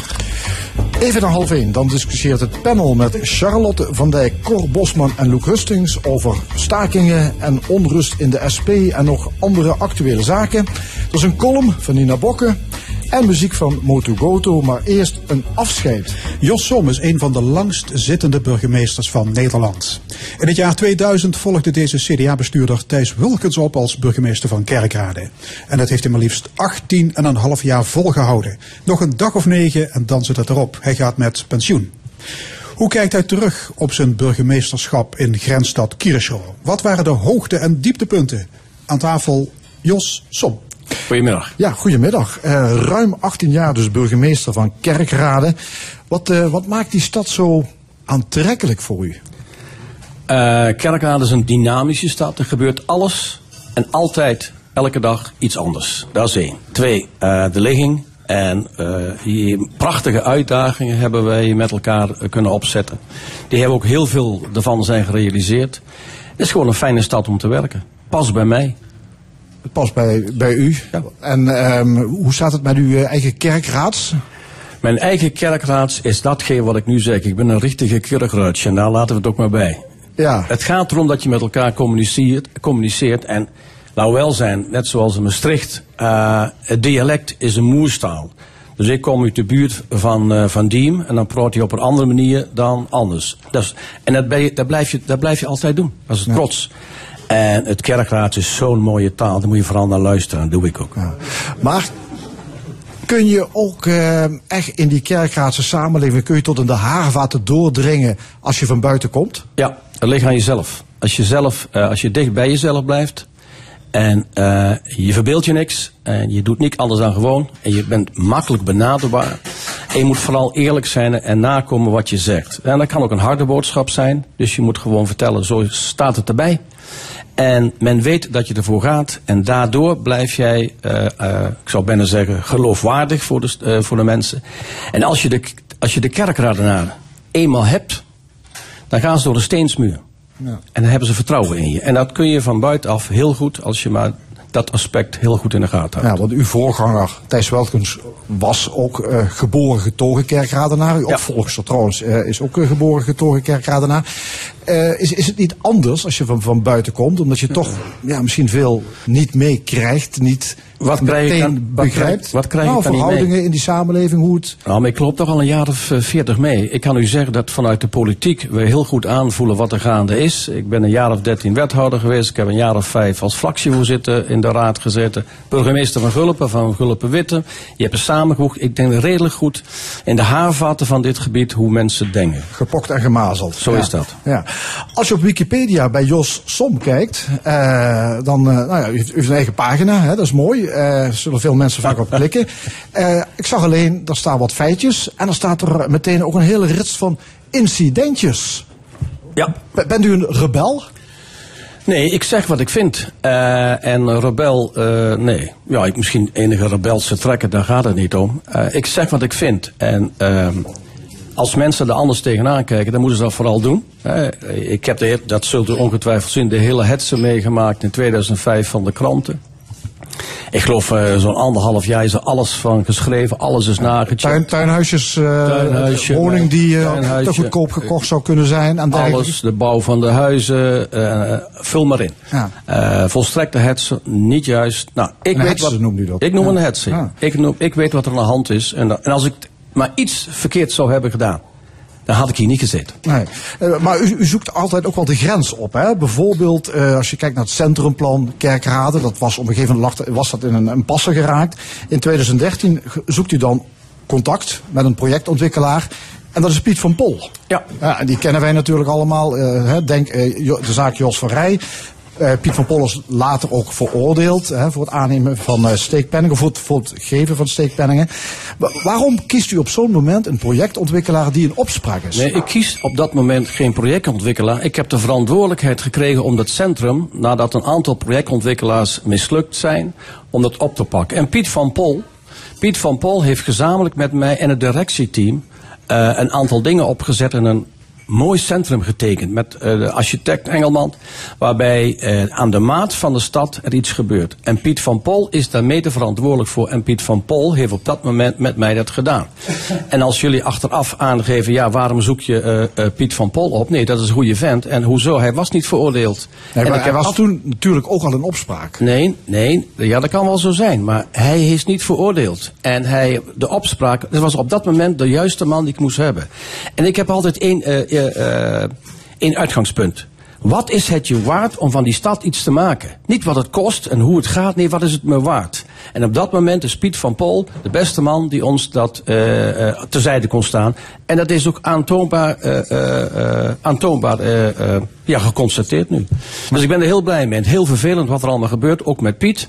Maar Piet van Pol is een van de grondleggers van het centrum in de stad. En dat wil ik hard gezegd hebben, want dat verdient die man. Absoluut dieptepunt voor u persoonlijk moet het jaar 2015 zijn geweest. Toen moest u onderduiken na bedreigingen van, eh, vanuit de kant van, van motorbendes. Hoe heeft, u, hoe heeft u dat toen beleefd, die periode? Eh, vervelend. Ehm, maar ik heb mij nooit onveilig gevoeld. Het is heel vreemd als een hoofdofficier belt van eh, je moet weg. En ik wil niet weg, want ik laat me niet wegjagen, doet niemand niet. En je opent nog wat en je vrouw staat naast je en vervolgens belt eh, de chef van de politie nog een keer op. Het wordt nu toch tijd dat je gaat. En dan word je afgevoerd met de dienstwagen, een wagen ervoor en een wagen daarna. En dan word je in het buitenland gebracht. Dat is heel vervelend. En vervolgens, wat ik nog veel vervelender vond, is dat eh, eh, een maand lang een politiecabine voor je huis staat. En nog meer vervelend is dat er camera's eh, rondom je, je woning staan. En ik kan, me nu, ik kan me nu voorstellen hoe Geert Wilders zich moet voelen. Dat is verschrikkelijk. Je, je gaat op allerlei andere dingen letten. Eh, maar goed, het was nodig. Eh, ik wil niet zeggen dat het erbij hoort, maar niet te veel over praten. vervelend. Ja, maar ik kan me wel voorstellen dat dit eh, zo'n impact heeft dat het ook wellicht je beslissingen als burgemeester gaat beïnvloeden. Nee, absoluut niet. Sterker nog, omdat je A hebt gezegd bij de eerste sluiting en bij de tweede sluiting, kun je bij de derde niet achterblijven. Dat is sluitingen, dat sluiting van een aantal panden, waarbij de laatste was aan de markt. Eh, dat had heel veel impact, ook in het land. Het waren panden waar eh, motorbendes, eh, Motorbendes, daar stonden vestigen. 30, Ja. 40, 50 mensen op de markt. Heel intimiderend. Eh, dus je moest een oplossing eh, voor zoeken. Was moeilijk, omdat je bestuurlijk een oplossing moet zoeken. Ik had weinig handvatten. Op een gegeven moment werd er geschoten in, in Sittard. En dat heb ik dan gebruikt om ook die sluiting te realiseren. En dat moest. Je moest laten zien, wij zijn de baas in de openbare ruimte. Wij, de mensen, het bestuur en niet de Hells Angels. En dat hebben we laten zien. Medewerking van iedereen die maar medewerken eh, kon aan dat geheel. Dus ik ben eigenlijk heel blij met het resultaat. En dat het negatieve gevolgen zijn, ja, heel vervelend. Eh, ja, ik doe er wat makkelijk over nu. Ik vind ook dat je het klein moet houden. Eh, het is zo. Nou, u wilt het bewust klein houden ook. Om het... Ja, waarom zou ik het van de daken schreeuwen? Ja. Het is gebeurd. En eh, ik heb me altijd veilig gevoeld. De omgeving heeft veilig gevoeld. Ja, het hoort bij, bijna bij de functie Ja, tegenwoordig. nou, dat is toch vreemd als je dat moet constateren dat dit al bij de functie van burgemeester hoort. Dat je bedreigd wordt en moet onderduiken. Ja, maar wat moet ik daarop zeggen? Ehm, vaak is de dialoog niet meer het middel om met elkaar een oplossing te zoeken. En eh, soms moet je een maatregel nemen. Nou, laat het dan onorthodox zijn. Dat is een orthodoxe maatregel. En daar, moet, daar sta je voor, klaar. Ja. dat zijn hele leuke dingen die we ook als, eh, als burgemeester meemaken. Ja, uiteraard komen we ook nog op. Hè? Ja. Ja, de- de- deze week is trouwens, eh, zijn de Hells Angels door de rechter verboden. Dus ik neem aan, dat doet u deugd. Jawel, maar naar mijn mening nog te weinig. Wat er moet gebeuren is dat een burgemeester, wanneer hij aangeeft, jongens, op basis van informatie, een dossier van, jongens, dat kan niet. Dan moet, hij, dan, moet hij die, dan moet hij die mensen bewijzen van spreken of het, of het home direct dicht. En als ze daar niet mee eens zijn, dan moeten ze maar bezwaar maken bij de rechter. Dat duurt tegenwoordig een jaar of twee jaar, maar ze zijn weg. Het is dicht. Eh, buitenland kan dat ook. Dus ik denk dat we er nog niet zijn. Meneer Som, u bent burgemeester sinds 2000. Hè? U moet de gemeenschap door en door kennen. Geef eens een karakteristiek van de kerkradenaar. De kerkradenaar is trots, maar heeft een knauw gekregen vanwege de sluitingen van de mijnen. En die trots, die zit in de genen. Eh, ik zeg altijd, Kerkrade is een eigen stad in, met een eigen identiteit in Limburg, maar vooral een trotse stad. Ongelooflijk rijke stad geweest. En ik heb al gezegd, er ligt een verleden. Dat moet je koesteren en dat mag je zeker niet vergeten. Maar dan moet je uit.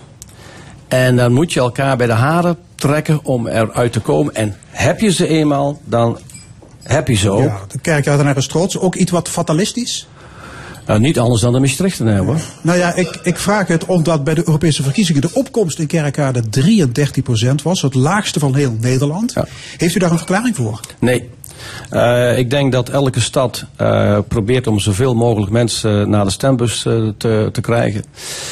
En uh, dat men kiest voor een bepaalde partij. Ja, uh, ja. Daar, kan ik, uh, daar kan ik niks aan ja, doen. Ja, dat is ook zo. En Kerkrade staat het tweede in de landelijke top 10 van gemeenten ja. met de meeste PVV-stemmers. Wat duidt dat op? Dat duidt dat in dit geval, ik hoorde net Jacques Kostons, niet mensen moet uitsluiten, maar dat je moet proberen op de inhoud met elkaar te vormen. Ik, we hebben het over een provincie. We hebben het over te laten zien wie we zijn en wat we kunnen. En ik snap best allerlei politieke argumenten om met elkaar te backvechten, zoals het dat dan heet. Maar ik heb één belang. Wat is het me waard? Het is me waard dat ik een sterk uh, provinciebestuur krijg. Met een zo groot mogelijk dra draagvlak. Waarbij ja. we de dingen die we met elkaar allen willen hebben, en dat kan. Dat je dat als uitgangspunt neemt. Nee, oké, okay, maar er zijn ook al wat sociale problemen hè, ja, zeker. in Kerkrade. Ja, zeker, maar ook 38% van de inwoners voelt zich niet gezond. Uh, Kerkrade heeft het hoogste aantal sociale uitkeringen. Er is krimp, er is onbehagen. En dat beeld zie je ook vaak terug in de landelijke media. Hè? Ja, maar de, Vol vond... de, Volkskrant schreef laatst over de verarmde Zuid-Limburgse ja. grensplaats Kerkrade. Ja, nou, Wat denkt u dan? Nou, de architect of de journalisten maken wel eens vaker een fout met betrekking tot intonatie van zinnen. Ik word doodziek van dit geframe want dat is het. Uh, obesitas, laaggeletterdheid, uh, laag, meeste uitkeringen. Nou, zet u de steden van Maastricht en Heerlen en vult u maar ernaast. Dan zult u zien dat het verschil niet zo groot is. Maar je moet ook eens aangeven, jongens, kijk eens wat we wel hebben bereikt. Kijk eens hoeveel mensen al uit uitkering zijn gekomen. Kijk eens waar we staan met betrekking tot de ontwikkelingen van dit gebied. En niet elke keer de negatieve framing naar buiten. Want dan krijg je voor de buitenwacht, goh, daar in Limburg. Maar er is in Kerkrade geen sprake van een hardnekkige sociale, economische Nee, niet, niet, anders dan, an, niet anders dan bijvoorbeeld in andere steden. Maar gezamenlijk zijn wij bezig om middels fysieke inspanningen, maar ook uh, inspanningen om mogelijk te... Maar daar gaan miljoenen uh, uh, euro's belastinggeld richting Parkstad om die streek daar wat op te kalefaten. Oh ja, en wat is dan, en, en, wat is dan in het verleden gegaan aan miljoenen in het westen en in het noorden en in het midden? Kunt u me dat vertellen?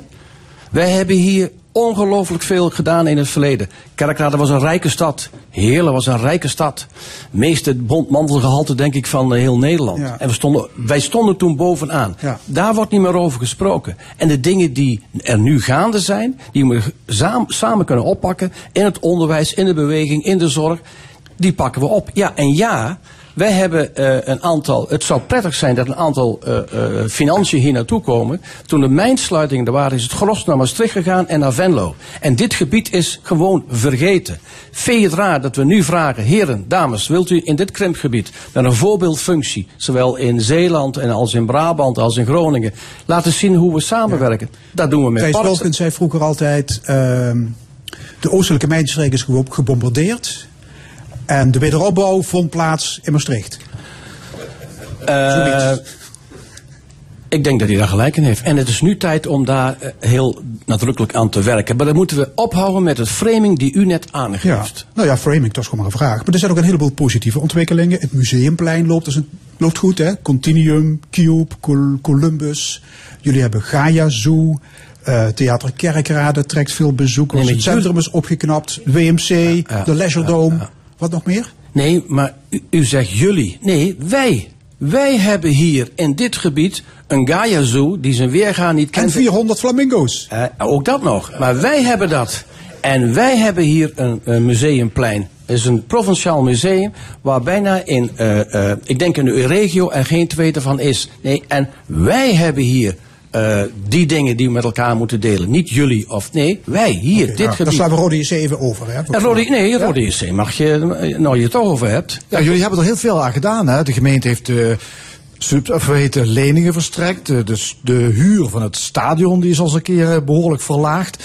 Maar het lijkt alsof het nooit Ja, maar jullie moeten toch je huiswerk eens goed doen. Ik zal het proberen één keer uit te leggen. één keer uit te leggen. Eh eh, Kerkrade geeft niks. Nee, ik zei lening. Nee, hè? geeft niks. En Roda hoort bij Kerkrade zoals de Eiffeltoren bij Parijs. Dat is één. Twee, datgene wat er nu gebeurt, we hebben een belang. We hebben een belang met een mooi stadion waar wij garant voor staan voor die 19 miljoen. Daar staan we voor. Vervolgens, om die financiering te organiseren, dan heb je ongeveer 3,5 ton nodig. Dan heb ik de financiering eh, mogelijk gemaakt van die 19 miljoen. Wij krijgen 8 ton huur. Daar zit 4 ton bij aflossing en 4 ton voor de financiering van, de, van de, het geheel. We hebben nog steeds geen cent erbij gedaan. Hè? Nu verlagen we dat omdat het, eh, het nodig is. Eh, als, ik een, als ik een gebouw heb en er zit een bedrijf in en het bedrijf draait goed. En na een jaar lukt het even niet. Oké, huisbaas, kunt u misschien de huur iets wat verlagen? Dan zeg ik, jazeker, want als ik niks heb, dan krijg ik niks en ik heb ook niks. Terug naar het stadion. Eh, als de club failliet zou gaan of er niet meer zou zijn, dan krijg ik geen huur. En dan heb ik een probleem. Dus ik heb een belang. Ik heb een belang dat eh, Roda blijft bestaan. Ja. En ik ben ervan overtuigd dat het gaat. Het Ja. is ons wat waard. In januari zei u nog eh, in een interview op eh, L1 Televisie, ze komen weer terug in de eredivisie. Ja. Ja, ja dat gaat dus komen. Ja, maar dan heb je hetzelfde weer. U gelooft ergens, u bent ambitieus of u bent het niet. Ik zal zeggen, ik zal niet zeggen dat we er volgend jaar terug zijn, maar ik zal u wel vertellen dat ik weet dat er een groot aantal mensen, mensen zijn die eh, dusdanig veel vertrouwen hebben, die ook durven eh, ervoor te gaan. Nou, geef ons eh, één of twee jaar, dan zijn we terug. Daar ben ik echt van overtuigd. Ja. Eh, uw, sollicitatieprocedure die is ook niet bepaald onopgemerkt. Of althans, de, de, de sollicitatieprocedure voor uw opvolger die ging niet onopgemerkt voorbij aan Limburg. Hè. Collega Kreewinkel bleek gesolliciteerd te hebben. Wat, wat, vond u ervan toen u dat hoorde? Ja, heel, wat, wat hoorde? Nou, dat hij gesolliciteerd had. Verbaasd. Ja. Eh, en maar ook heel vervelend wat er daarna gebeurt is. eh, nou heb je weer hetzelfde gebeuren. Eh daar komt een, een journalist die hoort een aantal zaken. Met Heb je ze weer, hè, de krant? Ja, nee, ik, nee, nee, krant is de beste wat er, wat er bestaat. En de journalisten zijn ongelooflijk verstandig. Nee, daar gaat het niet om. Waar het om gaat is, het leek net alsof kerkraden daar klunzig werd weggezet dat er een, een, een, een microfoon aan zou zijn buiten. Dat is dus niet zo. Dat is de- een beetje hard, hè, die microfoon. ook Ja, niet. nee, ook niet. ook u, moet, u, moet, u moet naar het Ja? filmpje kijken en kunt er precies zien wat er gebeurt. Dat hebben we gedaan. Nou, dan vind ik, en dan kun je alles over denken. We hebben alleen feiten weergegeven. Dit is er gebeurd, dit is gegaan. En de les die we eruit getrokken hebben, ja, volgend jaar, of wanneer, een volgende keer, dan zetten we een cordon eromheen met een tank en weet u al. Ja, dat gaat, gaat nooit meer gebeuren in een kerk. En dat Nee. filmpje dat gaat u ook nooit meer op de, op de website zetten, want dat mag ook niet meer van de rechter. Hè? Nee, de rechter- rechter gaat u nooit meer doen. Nee, tuurlijk niet. Als de rechter nee. dat zegt, dan halen we hem eraf. Ja, ja. ja wel, welke, welke hobby's liggen er nog eh, te wachten op, eh, op u de komende Ik heb, me- jaren? ik heb net een, eh, gekeken, ach, ik heb een gitaar gekocht. Vroeger in een band gespeeld, vind ik wel leuk. Met les, dus dat vind ik aardig. Even, even mijn hoofd leegmaken. Eh, mijn dochter trouwt. Dus we gaan nog een, een- een maand of wat weg. En eind van het jaar dan maak ik de balans op. Ja, wie weet binnenkort misschien hier op dit podium. Het zou maar zo kunnen. Ja, oké. Dank u wel, Jos Som. Graag gedaan. Voor de live muziek in de stemming zorgt vandaag Moto Goto, Koen van Dam en Elwin de Vries. Normaal gesproken een trio, maar vandaag met z'n tweeën. Ja, klopt. eh, de drummer was verhinderd. En eh, we spelen ook vaker met z'n tweeën, dus dat eh, is makkelijk oplossen. Jullie kunnen gemakkelijk zonder drums? Eh, ja, we, we hebben allerlei oplossingen verzonnen om dat allemaal op te vangen. Jullie zijn niet eh, onbekend in de Maastrichtse popscene, eh, maar toch, hoe hebben jullie elkaar weer gevonden? Nou ja, we zijn eigenlijk onderweg naar het oosten. We zijn eh, richting Duitsland zijn we aan het trekken. En onderweg zijn we hier in Maastricht begonnen. En we gaan langzaam richting Duitsland en proberen zo ver mogelijk door te stoten. Dat is, dat is de bedoeling. Ja, En was al snel duidelijk hoe Moto Goto zou moeten klinken? ja dat, dat, dat gaat vanzelf. Dat was heel snel duidelijk. Je gaat zitten achter de drums en de bas. En dan, dan op een gegeven moment gaan we spelen. En dan zijn er wat liedjes en dan, dan ontstaat dat gewoon. Dat gaat heel, heel, ja, dat gaat heel spielerij is dat. Dynamisch en natuurlijk. En ja, ja, ja. Hey, ehm, maken jullie de nummers samen? Eh, nou, Elwin schrijft de nummers. eh, en eh, ja, ik ben fan van die nummers, dus eh, ik speel ze heel graag. Ja. Jij speelt de bas. Hey, en wat zijn de ambities? Eh, de ambities zijn om eh, Duitsland te veroveren. Door naar het oosten. Oké, door naar het oosten. Wat wordt het eerste nummer? Mechanics. Oké, dank jullie wel. Hier zijn zanger-gitarist Elder de Vries en eh, bassist Koen van Dam. Oftewel Motogoto.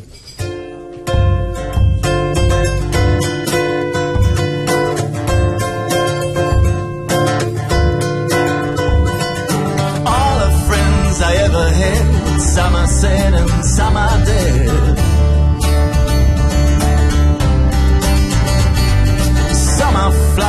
Some are drift, and they're getting ready for street life shit.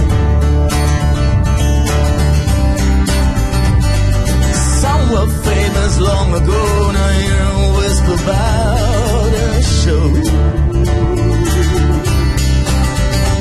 Well, I leave head out far now and I say some words to save my dough. I know I like and I like what I do and I know what I like and I like what I do and I know.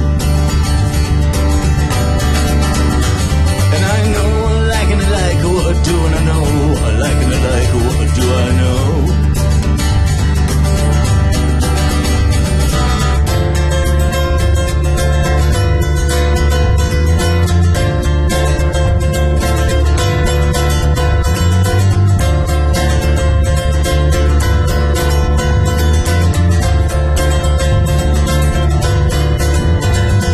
I slept for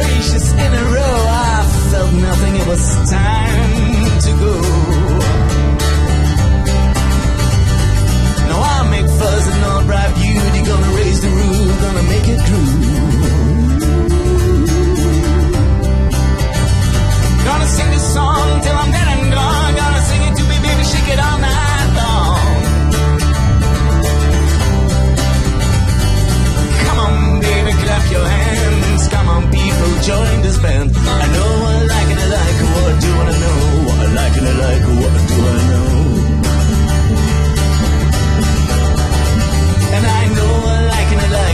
and I know what I like and I like what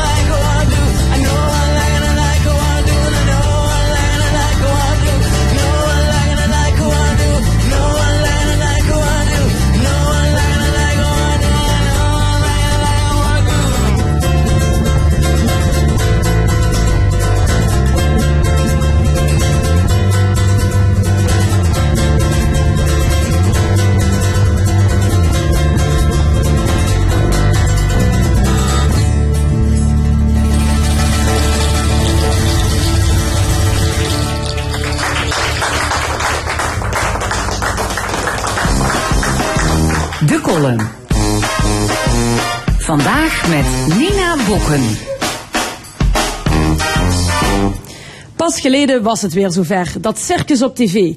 Omdat behoorlijk wat landen meedoen, duurt de telling van stemmen een behoorlijke poos. Maar daarna kon Nederland toch een overwinning binnenslepen. We hebben er weer een ster bij in dit land, Frans Timmermans. Frans is onze Duncan Lawrence van de Europese Unie. Als je denkt dat je stem toch niet meetelt, dan geeft Timmermans je weer hoop. De P van de U, eh, ik bedoel P van de A, telt plots weer mee in de wedstrijd. Net als Nederland in het Eurovisie Songfestival. 75% van alle Nederlandse tv-kijkers keek naar het Europees Songfestival. Eurovisie Songfestival moet dat zijn. Bijna 42% van de kiesgerechtigden ging naar de stembus voor de Europese verkiezingen. Niet verkeerd zou je denken. Maar toch kwamen we met ons opkomstpercentage niet verder dan een zeventiende plek op de lijst van alle landen. We bungelden zelfs nog onder bijvoorbeeld Letland, Roemenië, Polen, Litouwen en Cyprus. Meer dan de helft van onze kiezers was 50 plus. De belangrijkste redenen om niet naar de stembus te gaan waren desinteresse en wantrouwen in de Europese politiek. Ook vindt men het een geldverslindende organisatie met kliekjesvorming. Laten dat nu precies de argumenten zijn waarmee het Eurovisie Songfestival vaak werd bestreden. Toch wint dat evenement de laatste jaren aan populariteit. We krijgen weer vertrouwen in onze deelname met serieuze inzendingen en mooie liedjes die een gevoelige snaar raken. De Nederlander, sorry, de Nederlander werd van cynicus iemand met interesse. Echt, ik heb nog nooit zoveel politieke betrokkenheid meegemaakt van mensen die niks met politiek hebben als met dit Eurovisie Songfestival. Met name de haters hadden het over de kostenposten, over coalitievorming tussen de Oostbloklanden, stemmentelling en ga zo maar door. Totaal engagement. Vergis je niet, onder de flamboyante kostuums en poeha schuilt meer ernst dan je denkt. Het Songfestival is dé ultieme plek om misstanden in je land op de internationale agenda te krijgen. Al mag dat officieel niet. Zo verzette IJsland zich openlijk tegen Israël vanwege het Palestina-conflict. Andere keren mocht een Russische deelnemster Oekraïne niet in. Verzetten twee jonge zangeressen zich tegen het anti-homo-beleid van Poetin. En Armeense deelnemers zongen ondanks het verbod op politieke uitingen twee keer over de genocide van 1915. Voor de gemiddelde Nederlander is een man in een jurk of een vrouw met een baard al een cultuurshock. De naïeve preutsheid van ons volk wordt één keer per jaar blootgelegd. Dit is de oplossing voor het gapende gat tussen de Nederlander en de Europese verkiezingen. Maak er in godsnaam een songfestival van. Met het thema Loving You is a Choosing Game. Het evenement waar rechtspopulisme, linkse fla flamboyance en gematigde preutsheid samen zingen. Duncan Lawrence liet zien dat je maar één hit hoeft te, te scoren om een complete zaal uit te verkopen. Thierry Boudet kan daar een nummer over schrijven op zijn vleugel. De PVV, of beter Party of Freedom, hoor ik al een lied zingen. I want EU back. De SP kan dan haar talent gebruiken voor het maken van spraakmakende spotjes. En het zangkoor van de partij 50PLUS is al in het voordeel. Omroep Max kan sponsoren. En hoewel Frans dit keer de sterren van de, vlag, eh, van de hemel heeft gezongen, laat je niet misleiden door bekende gezichten. Want ook met jarenlange ervaring kun je nog behoorlijk vals zingen. Dat bewees Madonna wel. Hoe dan ook, het volgende Eurovisie Songfestival hoort in Maastricht. In de stad die leeft bij de gratie van muziek en waar niet alleen Euroster Frans Timmermans werd geboren, maar ook de Europese Unie zelf. Zie het als een investering in de internationaal betrokken Nederlander, of dat nu anti- of pro-EU is. Als we 13 keer Rieu aan kunnen deze zomer, dan lukt één keer Eurovisie ook wel.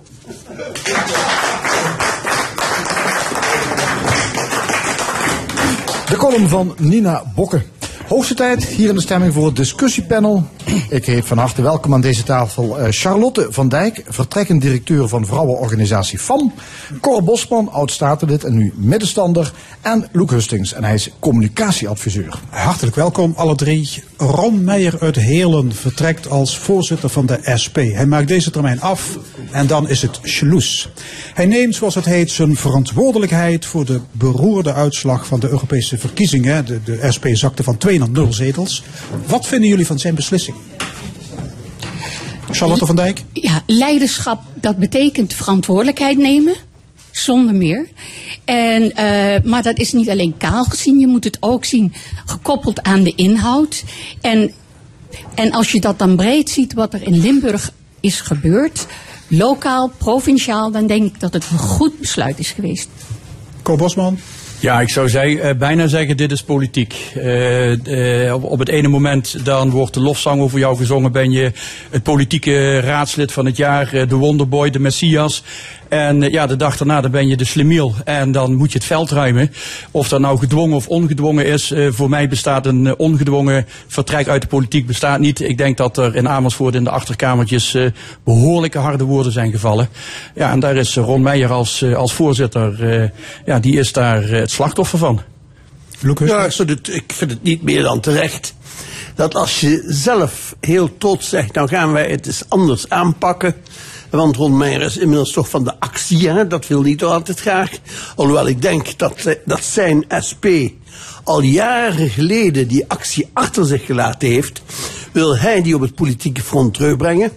Nou, je ziet dus dat de kiezer daar blijkbaar anders over denkt. En als je dan ook nog meent dat je. En nou, en nou gaat het even over het gevoel in de samenleving, de voelsprieten. Ron Meijer woont in Heerlen, niet in Groningen.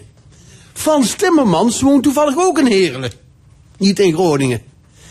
twee stadsgenoten. De ene stadsgenoot meent de gelegenheid te baan moeten nemen om zogenaamd satirisch de andere stadsgenoot de maat te nemen en in hem de hele Brusselse kliek. Hij heeft toch buiten de waard gerekend. En in ieder geval buiten de Heerlenaren. En in ieder geval buiten de Nederlanders. Want zoals we vanmorgen aan deze tafel hebben kunnen horen. Heel veel mensen hebben op Frans Timmermans gestemd. Niet omdat ze zo de Partij van de Arbeid aanhingen. Maar omdat ze die Frans Timmermans een geloofwaardige vent vinden. Die als minister van Buitenlandse Zaken bla bla bla het goed gedaan heeft. En dat eh, Europa ook een goed figuur geslagen heeft. En dus stadsgenoot Ron Meijer heeft dat blijkbaar niet aangevoeld. Maar hij is zo losgezongen, dat moet je voorstellen. De verklaring die hij afgaf op het moment dat hij zijn vertrek aankondigde. Daar heb je wel even over nagedacht. Het kwam niet als een spontane overval. Nee, hij komt op een gegeven moment die trap af door die glazen deur heen. Daar staat hij en komt met een verklaring tevoorschijn. En die begint met de volgende woorden. En nou moet je goed luisteren. Want jullie zijn toch allemaal gewend om te luisteren en om met tekst bezig te zijn.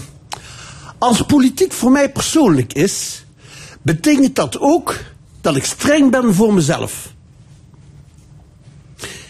Ja, dacht ik heb het even niet meegekregen. Ik herhaal het nog een keer. Als politiek voor mij persoonlijk is, betekent dat ook dat ik streng ben voor mezelf. Nou, als je na een uur nadenken met deze tekst komt, dan denk ik dat je los bent gekomen van de samenleving. Want ik snap hier helemaal niets van. Dan zegt u precies in heel veel woorden, maar u heeft het al eerder gezegd. Het gaat dus, heb, eh, het gaat dus om voeling hebben met wat er leeft in de samenleving. Wat mensen belangrijk vinden. En je kan een strategie uit je hoofd bedenken, eh, los van de werkelijkheid. En dat is wat er is gebeurd, los van de werkelijkheid. Niet kijkend wat men in Limburg wil, wat men eh, voelt en denkt en hoe men aangesproken wil worden. Nou ja, daar maakt, daar maakt niet alleen de SP zich schuldig aan. Eh, als we het even over Limburg hebben, voelen wat, wat de Limburger wil. Eh, ik verbaas mij hoogelijk eh, dat de coalitievorming, of wat er dan ook nog van over is, wat, wat daar in Limburg in godsnaam aan de hand is. Ik heb het acht jaar geleden zelf mee mogen maken, heb ik aan die onderhandelingstafel mogen zitten. Dus de politiek in zijn algeheel die luistert niet naar de stem van het volk. En ook dat is democratie. En even terug te komen op de SP. Als je leider bent van een partij die na een aantal uh, zeges in één keer de weg omlaag weer heeft gevonden, in een vrije val omlaag gaat, uh, bij de Tweede Kamerverkiezingen inlevert, vervolgens bij de Provinciale Staat en dan ook bij de EU, ja, dan moet er gewoon koppen rollen. Dat is politiek. En dan maakt het niet uit wat je hebt gedaan, hoe goed dat je bent. Er moet iemand geslachtofferd worden. Cor, ja, jij zei er straks, hij is weggestuurd. De- Denk ja, hij is dat ook? weggestuurd. Punt. Oh ja, laat me zeggen, hij is door de kiezer weggestuurd. Nee, hij is niet door de kiezer weggestuurd. Ja, maar hij is, Marijnissen blijft, blijft zitten waar ze Ja, zit. en heb je ook haar argument gehoord? Ja, ze had nog veel energie, zeg. Ja, ik heb nog veel energie. Met andere woorden, moet niet te lang duren, want dan ben ik ook weg. Maar het gekke is dat ehm, als je nou kijkt naar de generatie die daarvoor zat, waar onder andere de vader van deze Lian deel van uitmaakte, die hebben die SP echt opgebouwd. Hè? En die hebben eh, tijdig ervaren dat je dus van een actiepartij moet overgaan naar een partij die zoekt naar consensus en probeert constructief te zijn. andere tijden vragen dus andere kwaliteiten. U zegt het. Ja. En dat, dat wisten ze dus, ook bij de SP wisten ze dat in beleid om te zetten. En nu ineens krijgen we dan de actievoerder, Holmeijer, zurig als altijd, op de barricade. Terwijl de mensen staan niet op die barricade te wachten. Hij staat er als enige te zwaaien. Ik denk, ik denk dat dat wel, wel een cruciale fout is geweest bij de SP. SP is van huis uit een actiepartij. En natuurlijk, ik ben het eens wat hier gezegd wordt aan de tafel. Je moet de consensus zoeken. Samenwerken is, is de sleutel voor, om iets te kunnen bereiken. Maar als actiepartij hoor je op de barricade te staan, moet je een tegengeluid geven. En dat tegengeluid moet erin resulteren dat ook de andere luisteraars aan de andere kant, eh, dat die daar iets mee gaan doen. Wat in mijn optiek de SP fout heeft gedaan, is dat ze van die actiepartij in een meer salonveege partij hebben willen transformeren. En dat heeft er nu de kop gekost. Nou, ik denk dat dat gelukt is, maar dat de weg terug niet zo goed gaat. En ik denk dus dat ze bezig zijn om nu de opgebouwde credits te verliezen. En ik vrees dat als dat zo doorgaat, Lilian Marijns ten spijt, ze bij de volgende verkiezingen nog minder scoren. Was het ook een fout van de SP om tijdens de campagne, laat ik zeggen, een andere progressieve partij, namelijk de PvdA, te grazen te nemen? Ja, ook, ook dat is politiek. En, en ik heb het daar de vorige keer al iets over gezegd. Schijnbaar is het in de politiek nadan om een links georiënteerde partij op, op, een, op een dergelijke harde manier aan te vallen. Terwijl dat, dat naar een rechts georiënteerde partij ja, eigenlijk gewoon gemeengoed is. Daar wordt het wel geaccepteerd. Nu gebeurt het eh, richting een andere partij. Dat is je natuurlijke bondgenoot, toch? Min of meer. Ja, maar goed, ja, dat, daar, ik, ik ga daar verder niet over. Ik heb, ik heb ook het interview van eh, vorig jaar heeft Peter van Zutphen was onze tafelgenoot hier. Ik hoor hem precies hetzelfde zeggen over het filmpje als, als ik de vorige keer heb gezegd. Geweldig. Ik vind het geweldig. Of het slim is, of het strategisch slim is, eh, of het, of het handig is om een, om een bondgenoot op die manier aan te vallen, daar ga ik niet over. Ik, ik, ik wil alleen even aangeven, eh, ik betwijfel ten zeerste of het, eh, of het wel handig is of je nou een linkse, een linkse partij aanvalt of een rechtse partij aanvalt. Ik vraag me gewoon hand, eh, af of het handig is om überhaupt op deze manier. Ja, maar het, gebeurt, het gebeurt gewoon. Natuurlijk het gebeurt het. gewoon maar we en- zien ook wat er dan Met, vervolgens. met een vrouw als campagneleider was dit niet gebeurd. Pardon? Met een vrouw als campagneleider was dit niet Eh, gebeurd. Roos. vrouwen zoeken in zijn algemeenheid veel meer naar consensus, naar draagvlak. Ja. Afgelopen week eh, waren er nogal wat eh, stakingen in Nederland. Dinsdag ging het openbaar vervoer plat. Woensdag werd er ook gestaakt, onder meer bij de politie en andere diensten. Eh, de ontevredenheid bij de stakers betreft de pensioenleeftijd, die steeds verder stijgt. En het had allemaal succes, want minister Koolmees die wil wel weer gaan onderhandelen. Dus conclusie, actie voeren loont. Actie voeren loont. En dat blijkt ook uit het feit dat er ontzettend veel draagvlak is geweest voor de stakingen. Ehm, de onderzoeken, ik geloof iets van 71% aan draagvlak. Dan denk ik, ja, op dat moment en zeker waar het onderwerp waar het om gaat, dat is gewoon belangrijk. Dat raakt, dat raakt ons allemaal. Ja, er werd niet eens geknoterd dat de terreinen en de Nee, bussen maar, niet reden. Nee, maar dat is, dat is ook omdat dit onderwerp, pensioen, dat raakt iedereen in Nederland. Vandaar ook dat het draagvlak zo groot is. In tegenstelling tot de politiek, omdat de meningen, die verschillen van links tot rechts en alles wat er tussenin zit. Dit raakt ons allemaal. Wat voor mij onbegrijpelijk is, is dat wij in Nederland al tien jaar bezig zijn om een nieuw pensioenstelsel op te tuigen. En dat er geen consensus, het woord is al een aantal keren gevallen, en dat er nu iets vlot getrokken is. Eh, ik denk dat meneer, eh, minister Koolmees eh, ook, ook eh, dermate een politiek dier is. Er moet voor 1 juli, moet er namelijk wel iets liggen waarmee we in 2020 aan de slag kunnen. Anders hebben we een probleem. Ja, het Pinksterakkoord zou eraan moeten komen. Zou eraan moeten komen. Hoe kijk jij, Lucas, hoe kijk- jij daarna? Is, is het inderdaad gewoon twee dagen actie voeren en blijkbaar is er van alles te regelen? Nou, weet je, weet je wat mij nou zo verbaasd heeft, ondanks het feit dat ik het met Cor erg eens ben, met wat hij zojuist zei. Ehm, dus dan is er een staking. Ehm, je hoort net, hè, 71% van de bevolking zegt, ja, we kunnen ons dat wel voorstellen, we geven die mensen wel gelijk. En waartoe dient een staking, als je nou het hele openbaar vervoer in Nederland platlegt, hè, dan zou dat toch moeten leiden tot een maximale ontwrichting. Nou ja, het was een beetje lastig en er was wat meer file. Maar, maar een nationale ontwrichting van, van Nederland hebben wij toch niet gezien. Dus het gekke is dat deze bevolking zo elastisch is. Dat dan blijkbaar is er dus een nationale staking. Alles ligt inderdaad plat. En alles gaat gewoon door. Nou, dat vind ik knap. Dat wil zeggen, de mensen anticiperen erop. Zij zijn flexibel. Zeggen, oh, dan moeten we dat dus anders regelen. Dat doen ze dus ook. En hebben daarbij ook nog begrip voor de argumenten die gebruikt worden om die staking op te tuigen. En het is gewoon heel erg goed gecommuniceerd. Communicatie met elkaar, helder, transparant, pa- transparant. Dat zorgt ervoor dat mensen er klaar voor zijn. Ja. Het, het, het gaat dus over die pensioenleeftijd. hè. die, eh, nou ja, die zou eh, minder snel moeten stijgen, eh, onder andere. Dat is een van de eisen. Maar ja, wie moet het gaan betalen? Maar ik is, ben het is natuurlijk, de visie die erachter zit, hè, die, die kan ik ten volle onderschrijven. Het is natuurlijk waar Dat wij niet meer op, de 65, op onze 65 oude mannetjes en vrouwtjes zijn. Het is inderdaad zo dat als je dat vergelijkt met, met ehm, de tijd dat die AOW werd opgetuigd, was het zo dat als mensen tegen de 65 waren, waren ze oud en versleten en dagen zat. Die tijden zijn veranderd.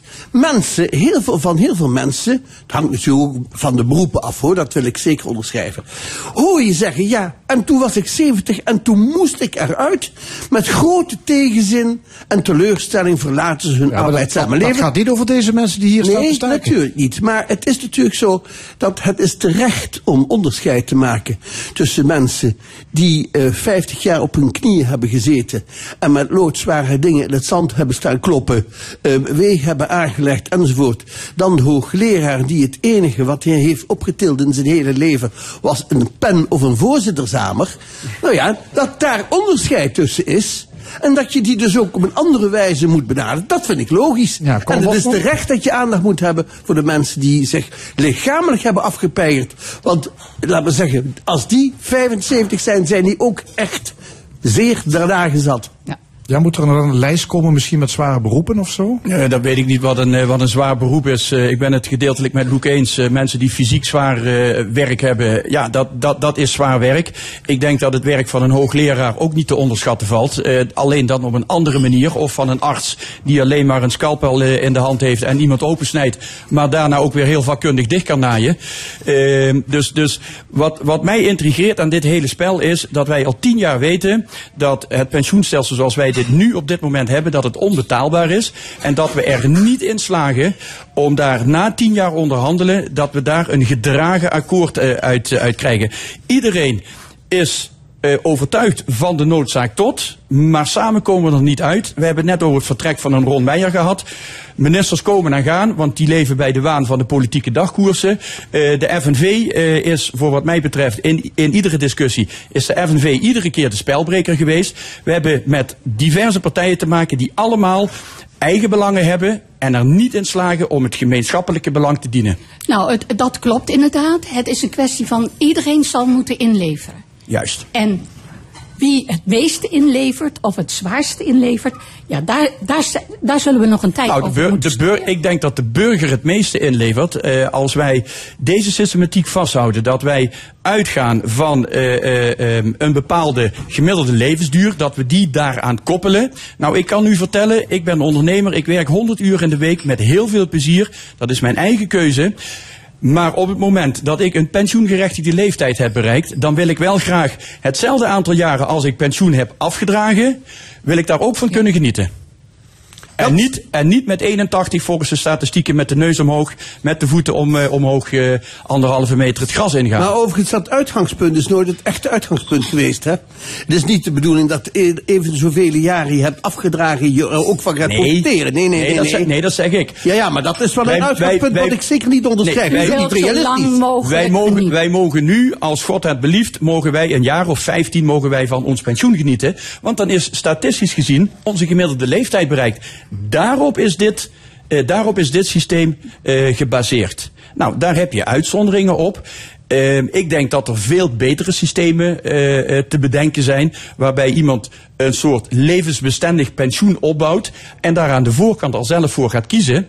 Alleen de crisis in 2008, die heeft roet in het eten gegooid. Want de gigantische kapitalen die de pensioenfondsen hadden, die waren belegd en die verdampten als sneeuw voor de zon. 2008 was de dekkingsgraad boven de 130 procent. Een jaar daarna was hij nog maar ruim 90 procent. En dan gaat het over miljarden. Oké, tot zover de pensioenen. We gaan over naar een ander eh, nieuwsitem van deze week. Vrouwen in topfuncties die zorgen voor goede winstcijfers. En dat blijkt uit een groot internationaal onderzoek van de Verenigde Naties. Charlotte van Dijk, je bent directeur van FAM, het expertisecentrum voor vrouwenvraagstukken. Genderdiversiteit leidt dus tot uitstekende bedrijfsresultaten. Eh, dat nieuws komt niet als een verrassing voor jou. Absoluut niet. Ik ik denk voor heel veel mensen niet. Ehm, ik wil eh, uiteraard genderdiversiteit, maar ik wil sowieso stellen diversiteit überhaupt in bedrijfsleven brengt tot veel betere resultaten. Ja. En dan hebben we het over man, vrouw, jong, Man, oud, vrouw, kleur, leeftijd, eh, te- wat dan ook. mijn werk is natuurlijk om vooral de nadruk te leggen op de genderfactor. Ja. En als je kijkt goed naar de cijfers en dan, ja, het is nog steeds treurig en de reacties van het bedrijfsleven is ondanks het, bewijs, het bewijsmateriaal is desondanks nog steeds heel diep treurig. De, eh, en vrouwen in de top leidt niet alleen tot winst, maar geeft het hele bedrijf een geweldige boost. Hè? Creativiteit, klantenbinding, het aantrekken van talent. Cor Bosman, eh, ondernemers zouden wel gek zijn als ze niet vrouwen zouden aantrekken in de management top. Ehm, nou, mijn vrouw is de baas in huis, zoals bij heel veel eh, bedrijven. Nee, dat is onzin.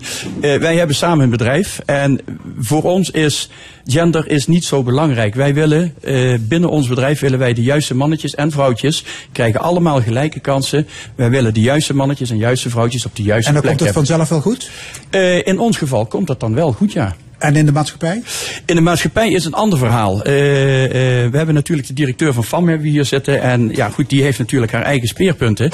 Ehm, voor mij zijn mannen en vrouwen precies gelijk. En eh, zou ook het streven moeten zijn om op plaatsen waar het gaat een 50-50 eh, eh, eh, verhouding moeten krijgen. Alleen, dat is het feministische denken wat niet helemaal correct is. Op het moment als vrouwenorganisaties gaan erkennen dat er een verschil is tussen mannen en vrouwen, denk ik dat de ongelijkheid die er heerst, dat die veel eerder opgelost zou zijn. Ik, ik, ik zou even heel graag van u willen weten, wat bedoelt u met eh, verschil tussen man en vrouw? In welk opzicht? Mannen en vrouwen, u bent een vrouw, ik ben een man, wij zijn biologisch verschillen wij van elkaar. Dat is één. Dat is in fysiek opzicht is dat één. Maar mannen en vrouwen verschillen ook in gedrag en in psyche verschillen mannen en vrouwen van elkaar. Cultuurgebonden is dat. Cultuurgebonden. Het is zo typisch dat ik dit soort eh redenatie, dit soort bewijsvoering, maar blijf horen. Het is, het is onvoorstelbaar. Nou, in ik, deze nou, ik, zal, ik, zal u, ik heb hier een klein artikeltje, u mag het straks van mij meenemen. Een Belgische filosoof, mevrouw Griet van der Massen. Heeft twee boeken geschreven waarin zij aan de hand. Zij is niet tegen emancipatie. eh, zij streeft ook een aantal dingen na. Maar ook op basis van wetenschappelijk onderzoek en wetenschappelijk bewijs. komt zij ook met een aantal stellingen. eh, waar ook ik mij op baseer. Nogmaals, voor mij zijn mannen en vrouwen gelijk. Maar zolang als wij blijven vasthouden aan een 50-50 verdeling in onze maatschappij. eh, en proberen mannen in een richting te duwen en vrouwen in een richting te duwen. want we hebben het tenslotte over mensen. dan blijft er ongelijkheid bestaan. Waar zie jij die ongelijkheid dan? Waar, waar, wanneer nemen vrouwen andere besluiten dan mannen bijvoorbeeld? Nou, daar werd net al eh, gezegd van, eh, eh, u zegt het zelf, vrouwen nemen veel meer op basis van emotie, nemen vrouwen een besluit. Vrouwen zijn veel meer op zoek naar consensus. Mannen daarentegen, die zijn zeker in topfuncties, die zijn meer van, hup, het is barsten of buigen. Dat gaat al wringen met elkaar. En dat betekent dus feitelijk, het hoeft helemaal niet te wringen. Het betekent dus dat als je meer diversiteit in een organisatie hebt, je dus, zoals eh eh Fijke Sijbersma van DSM zegt, je wordt, je wordt op een gegeven ogen- ogenblik bijziend. Als je allemaal dezelfde mannen, met allemaal dezelfde invalshoeken, allemaal dezelfde geschiedenissen, ehm, die invalshoek hebt.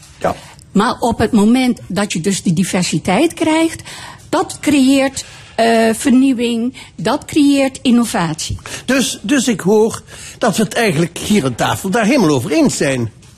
Weet je wat nou het grote punt is? Die vrouwen willen niet. En dan houdt het op.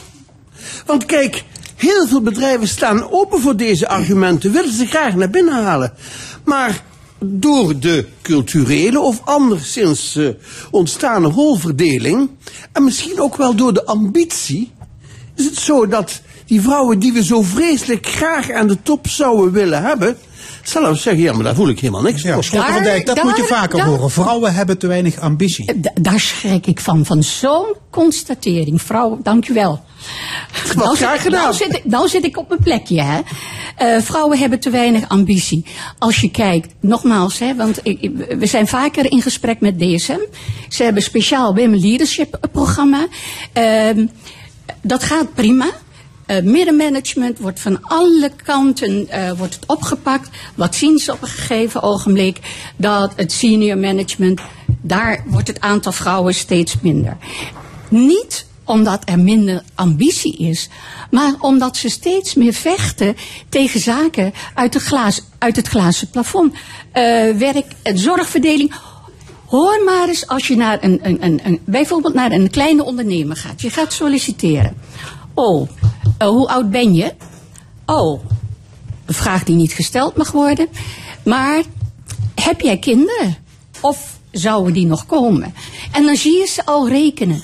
En Cijfersma, nogmaals, die zegt dan... Wat zijn die paar maanden dat ze uitvallen? Het gaat om de kwaliteit. Het gaat om datgene wat ze kunnen opleveren. En het gaat niet om tijden. Redelijk het gaat om de hè?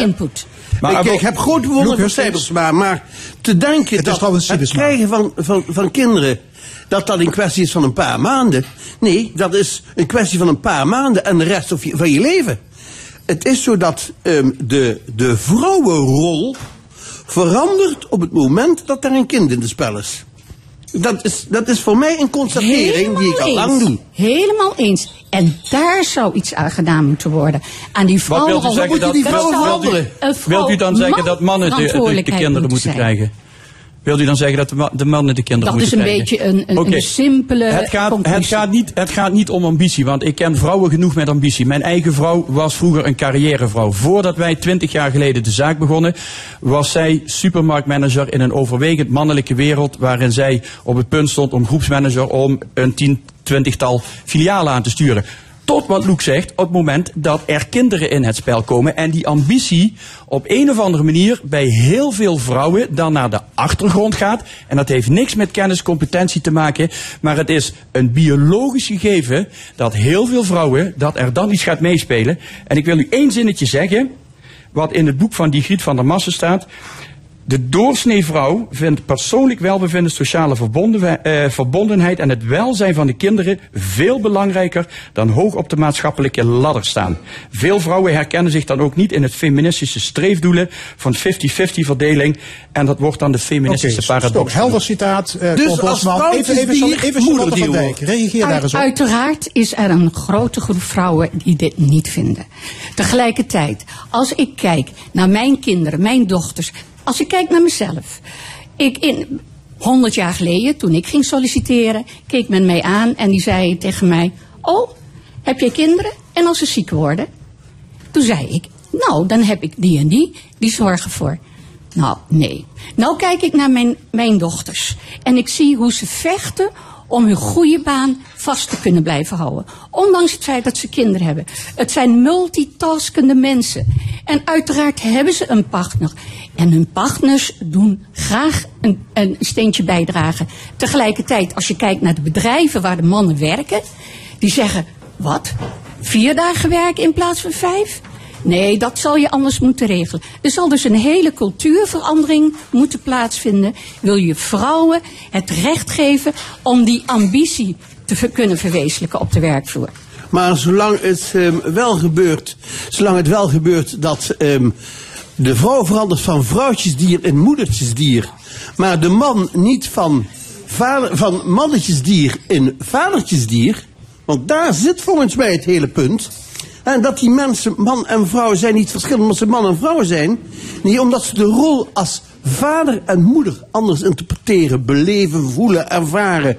Ik geloof dat het daarom gaat. Even ter info, het aantal mannen die steeds meer in deeltijd gaan werken, omdat zij ook voor hun kinderen willen zorgen, groeit. Maar is toch altijd minimaal?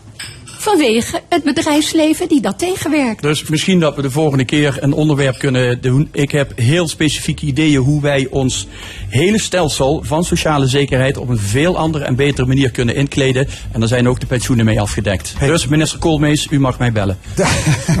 Daar komen we op terug. Hartelijk dank, discussiepanel. Charlotte van Dijk, Cor Bosman en Loek Hustings. Dank jullie zeer. Dit was de stemming vandaag gemaakt door Frank Heijnen, Erwin Jacob, Fons Geraad, Angel Zwas en Frank Ruber. Graag tot volgende week, dan wederom hier vanuit Café Forum in Maastricht. En ja, en dan met muziek van het klarinettrio van de Philharmonie Zuid-Nederland. Dit programma wordt herhaald maandagavond om 8 uur en is ook terug te luisteren op onze site l1.nl en via podcast. Ik wens u nog een mooie zondag.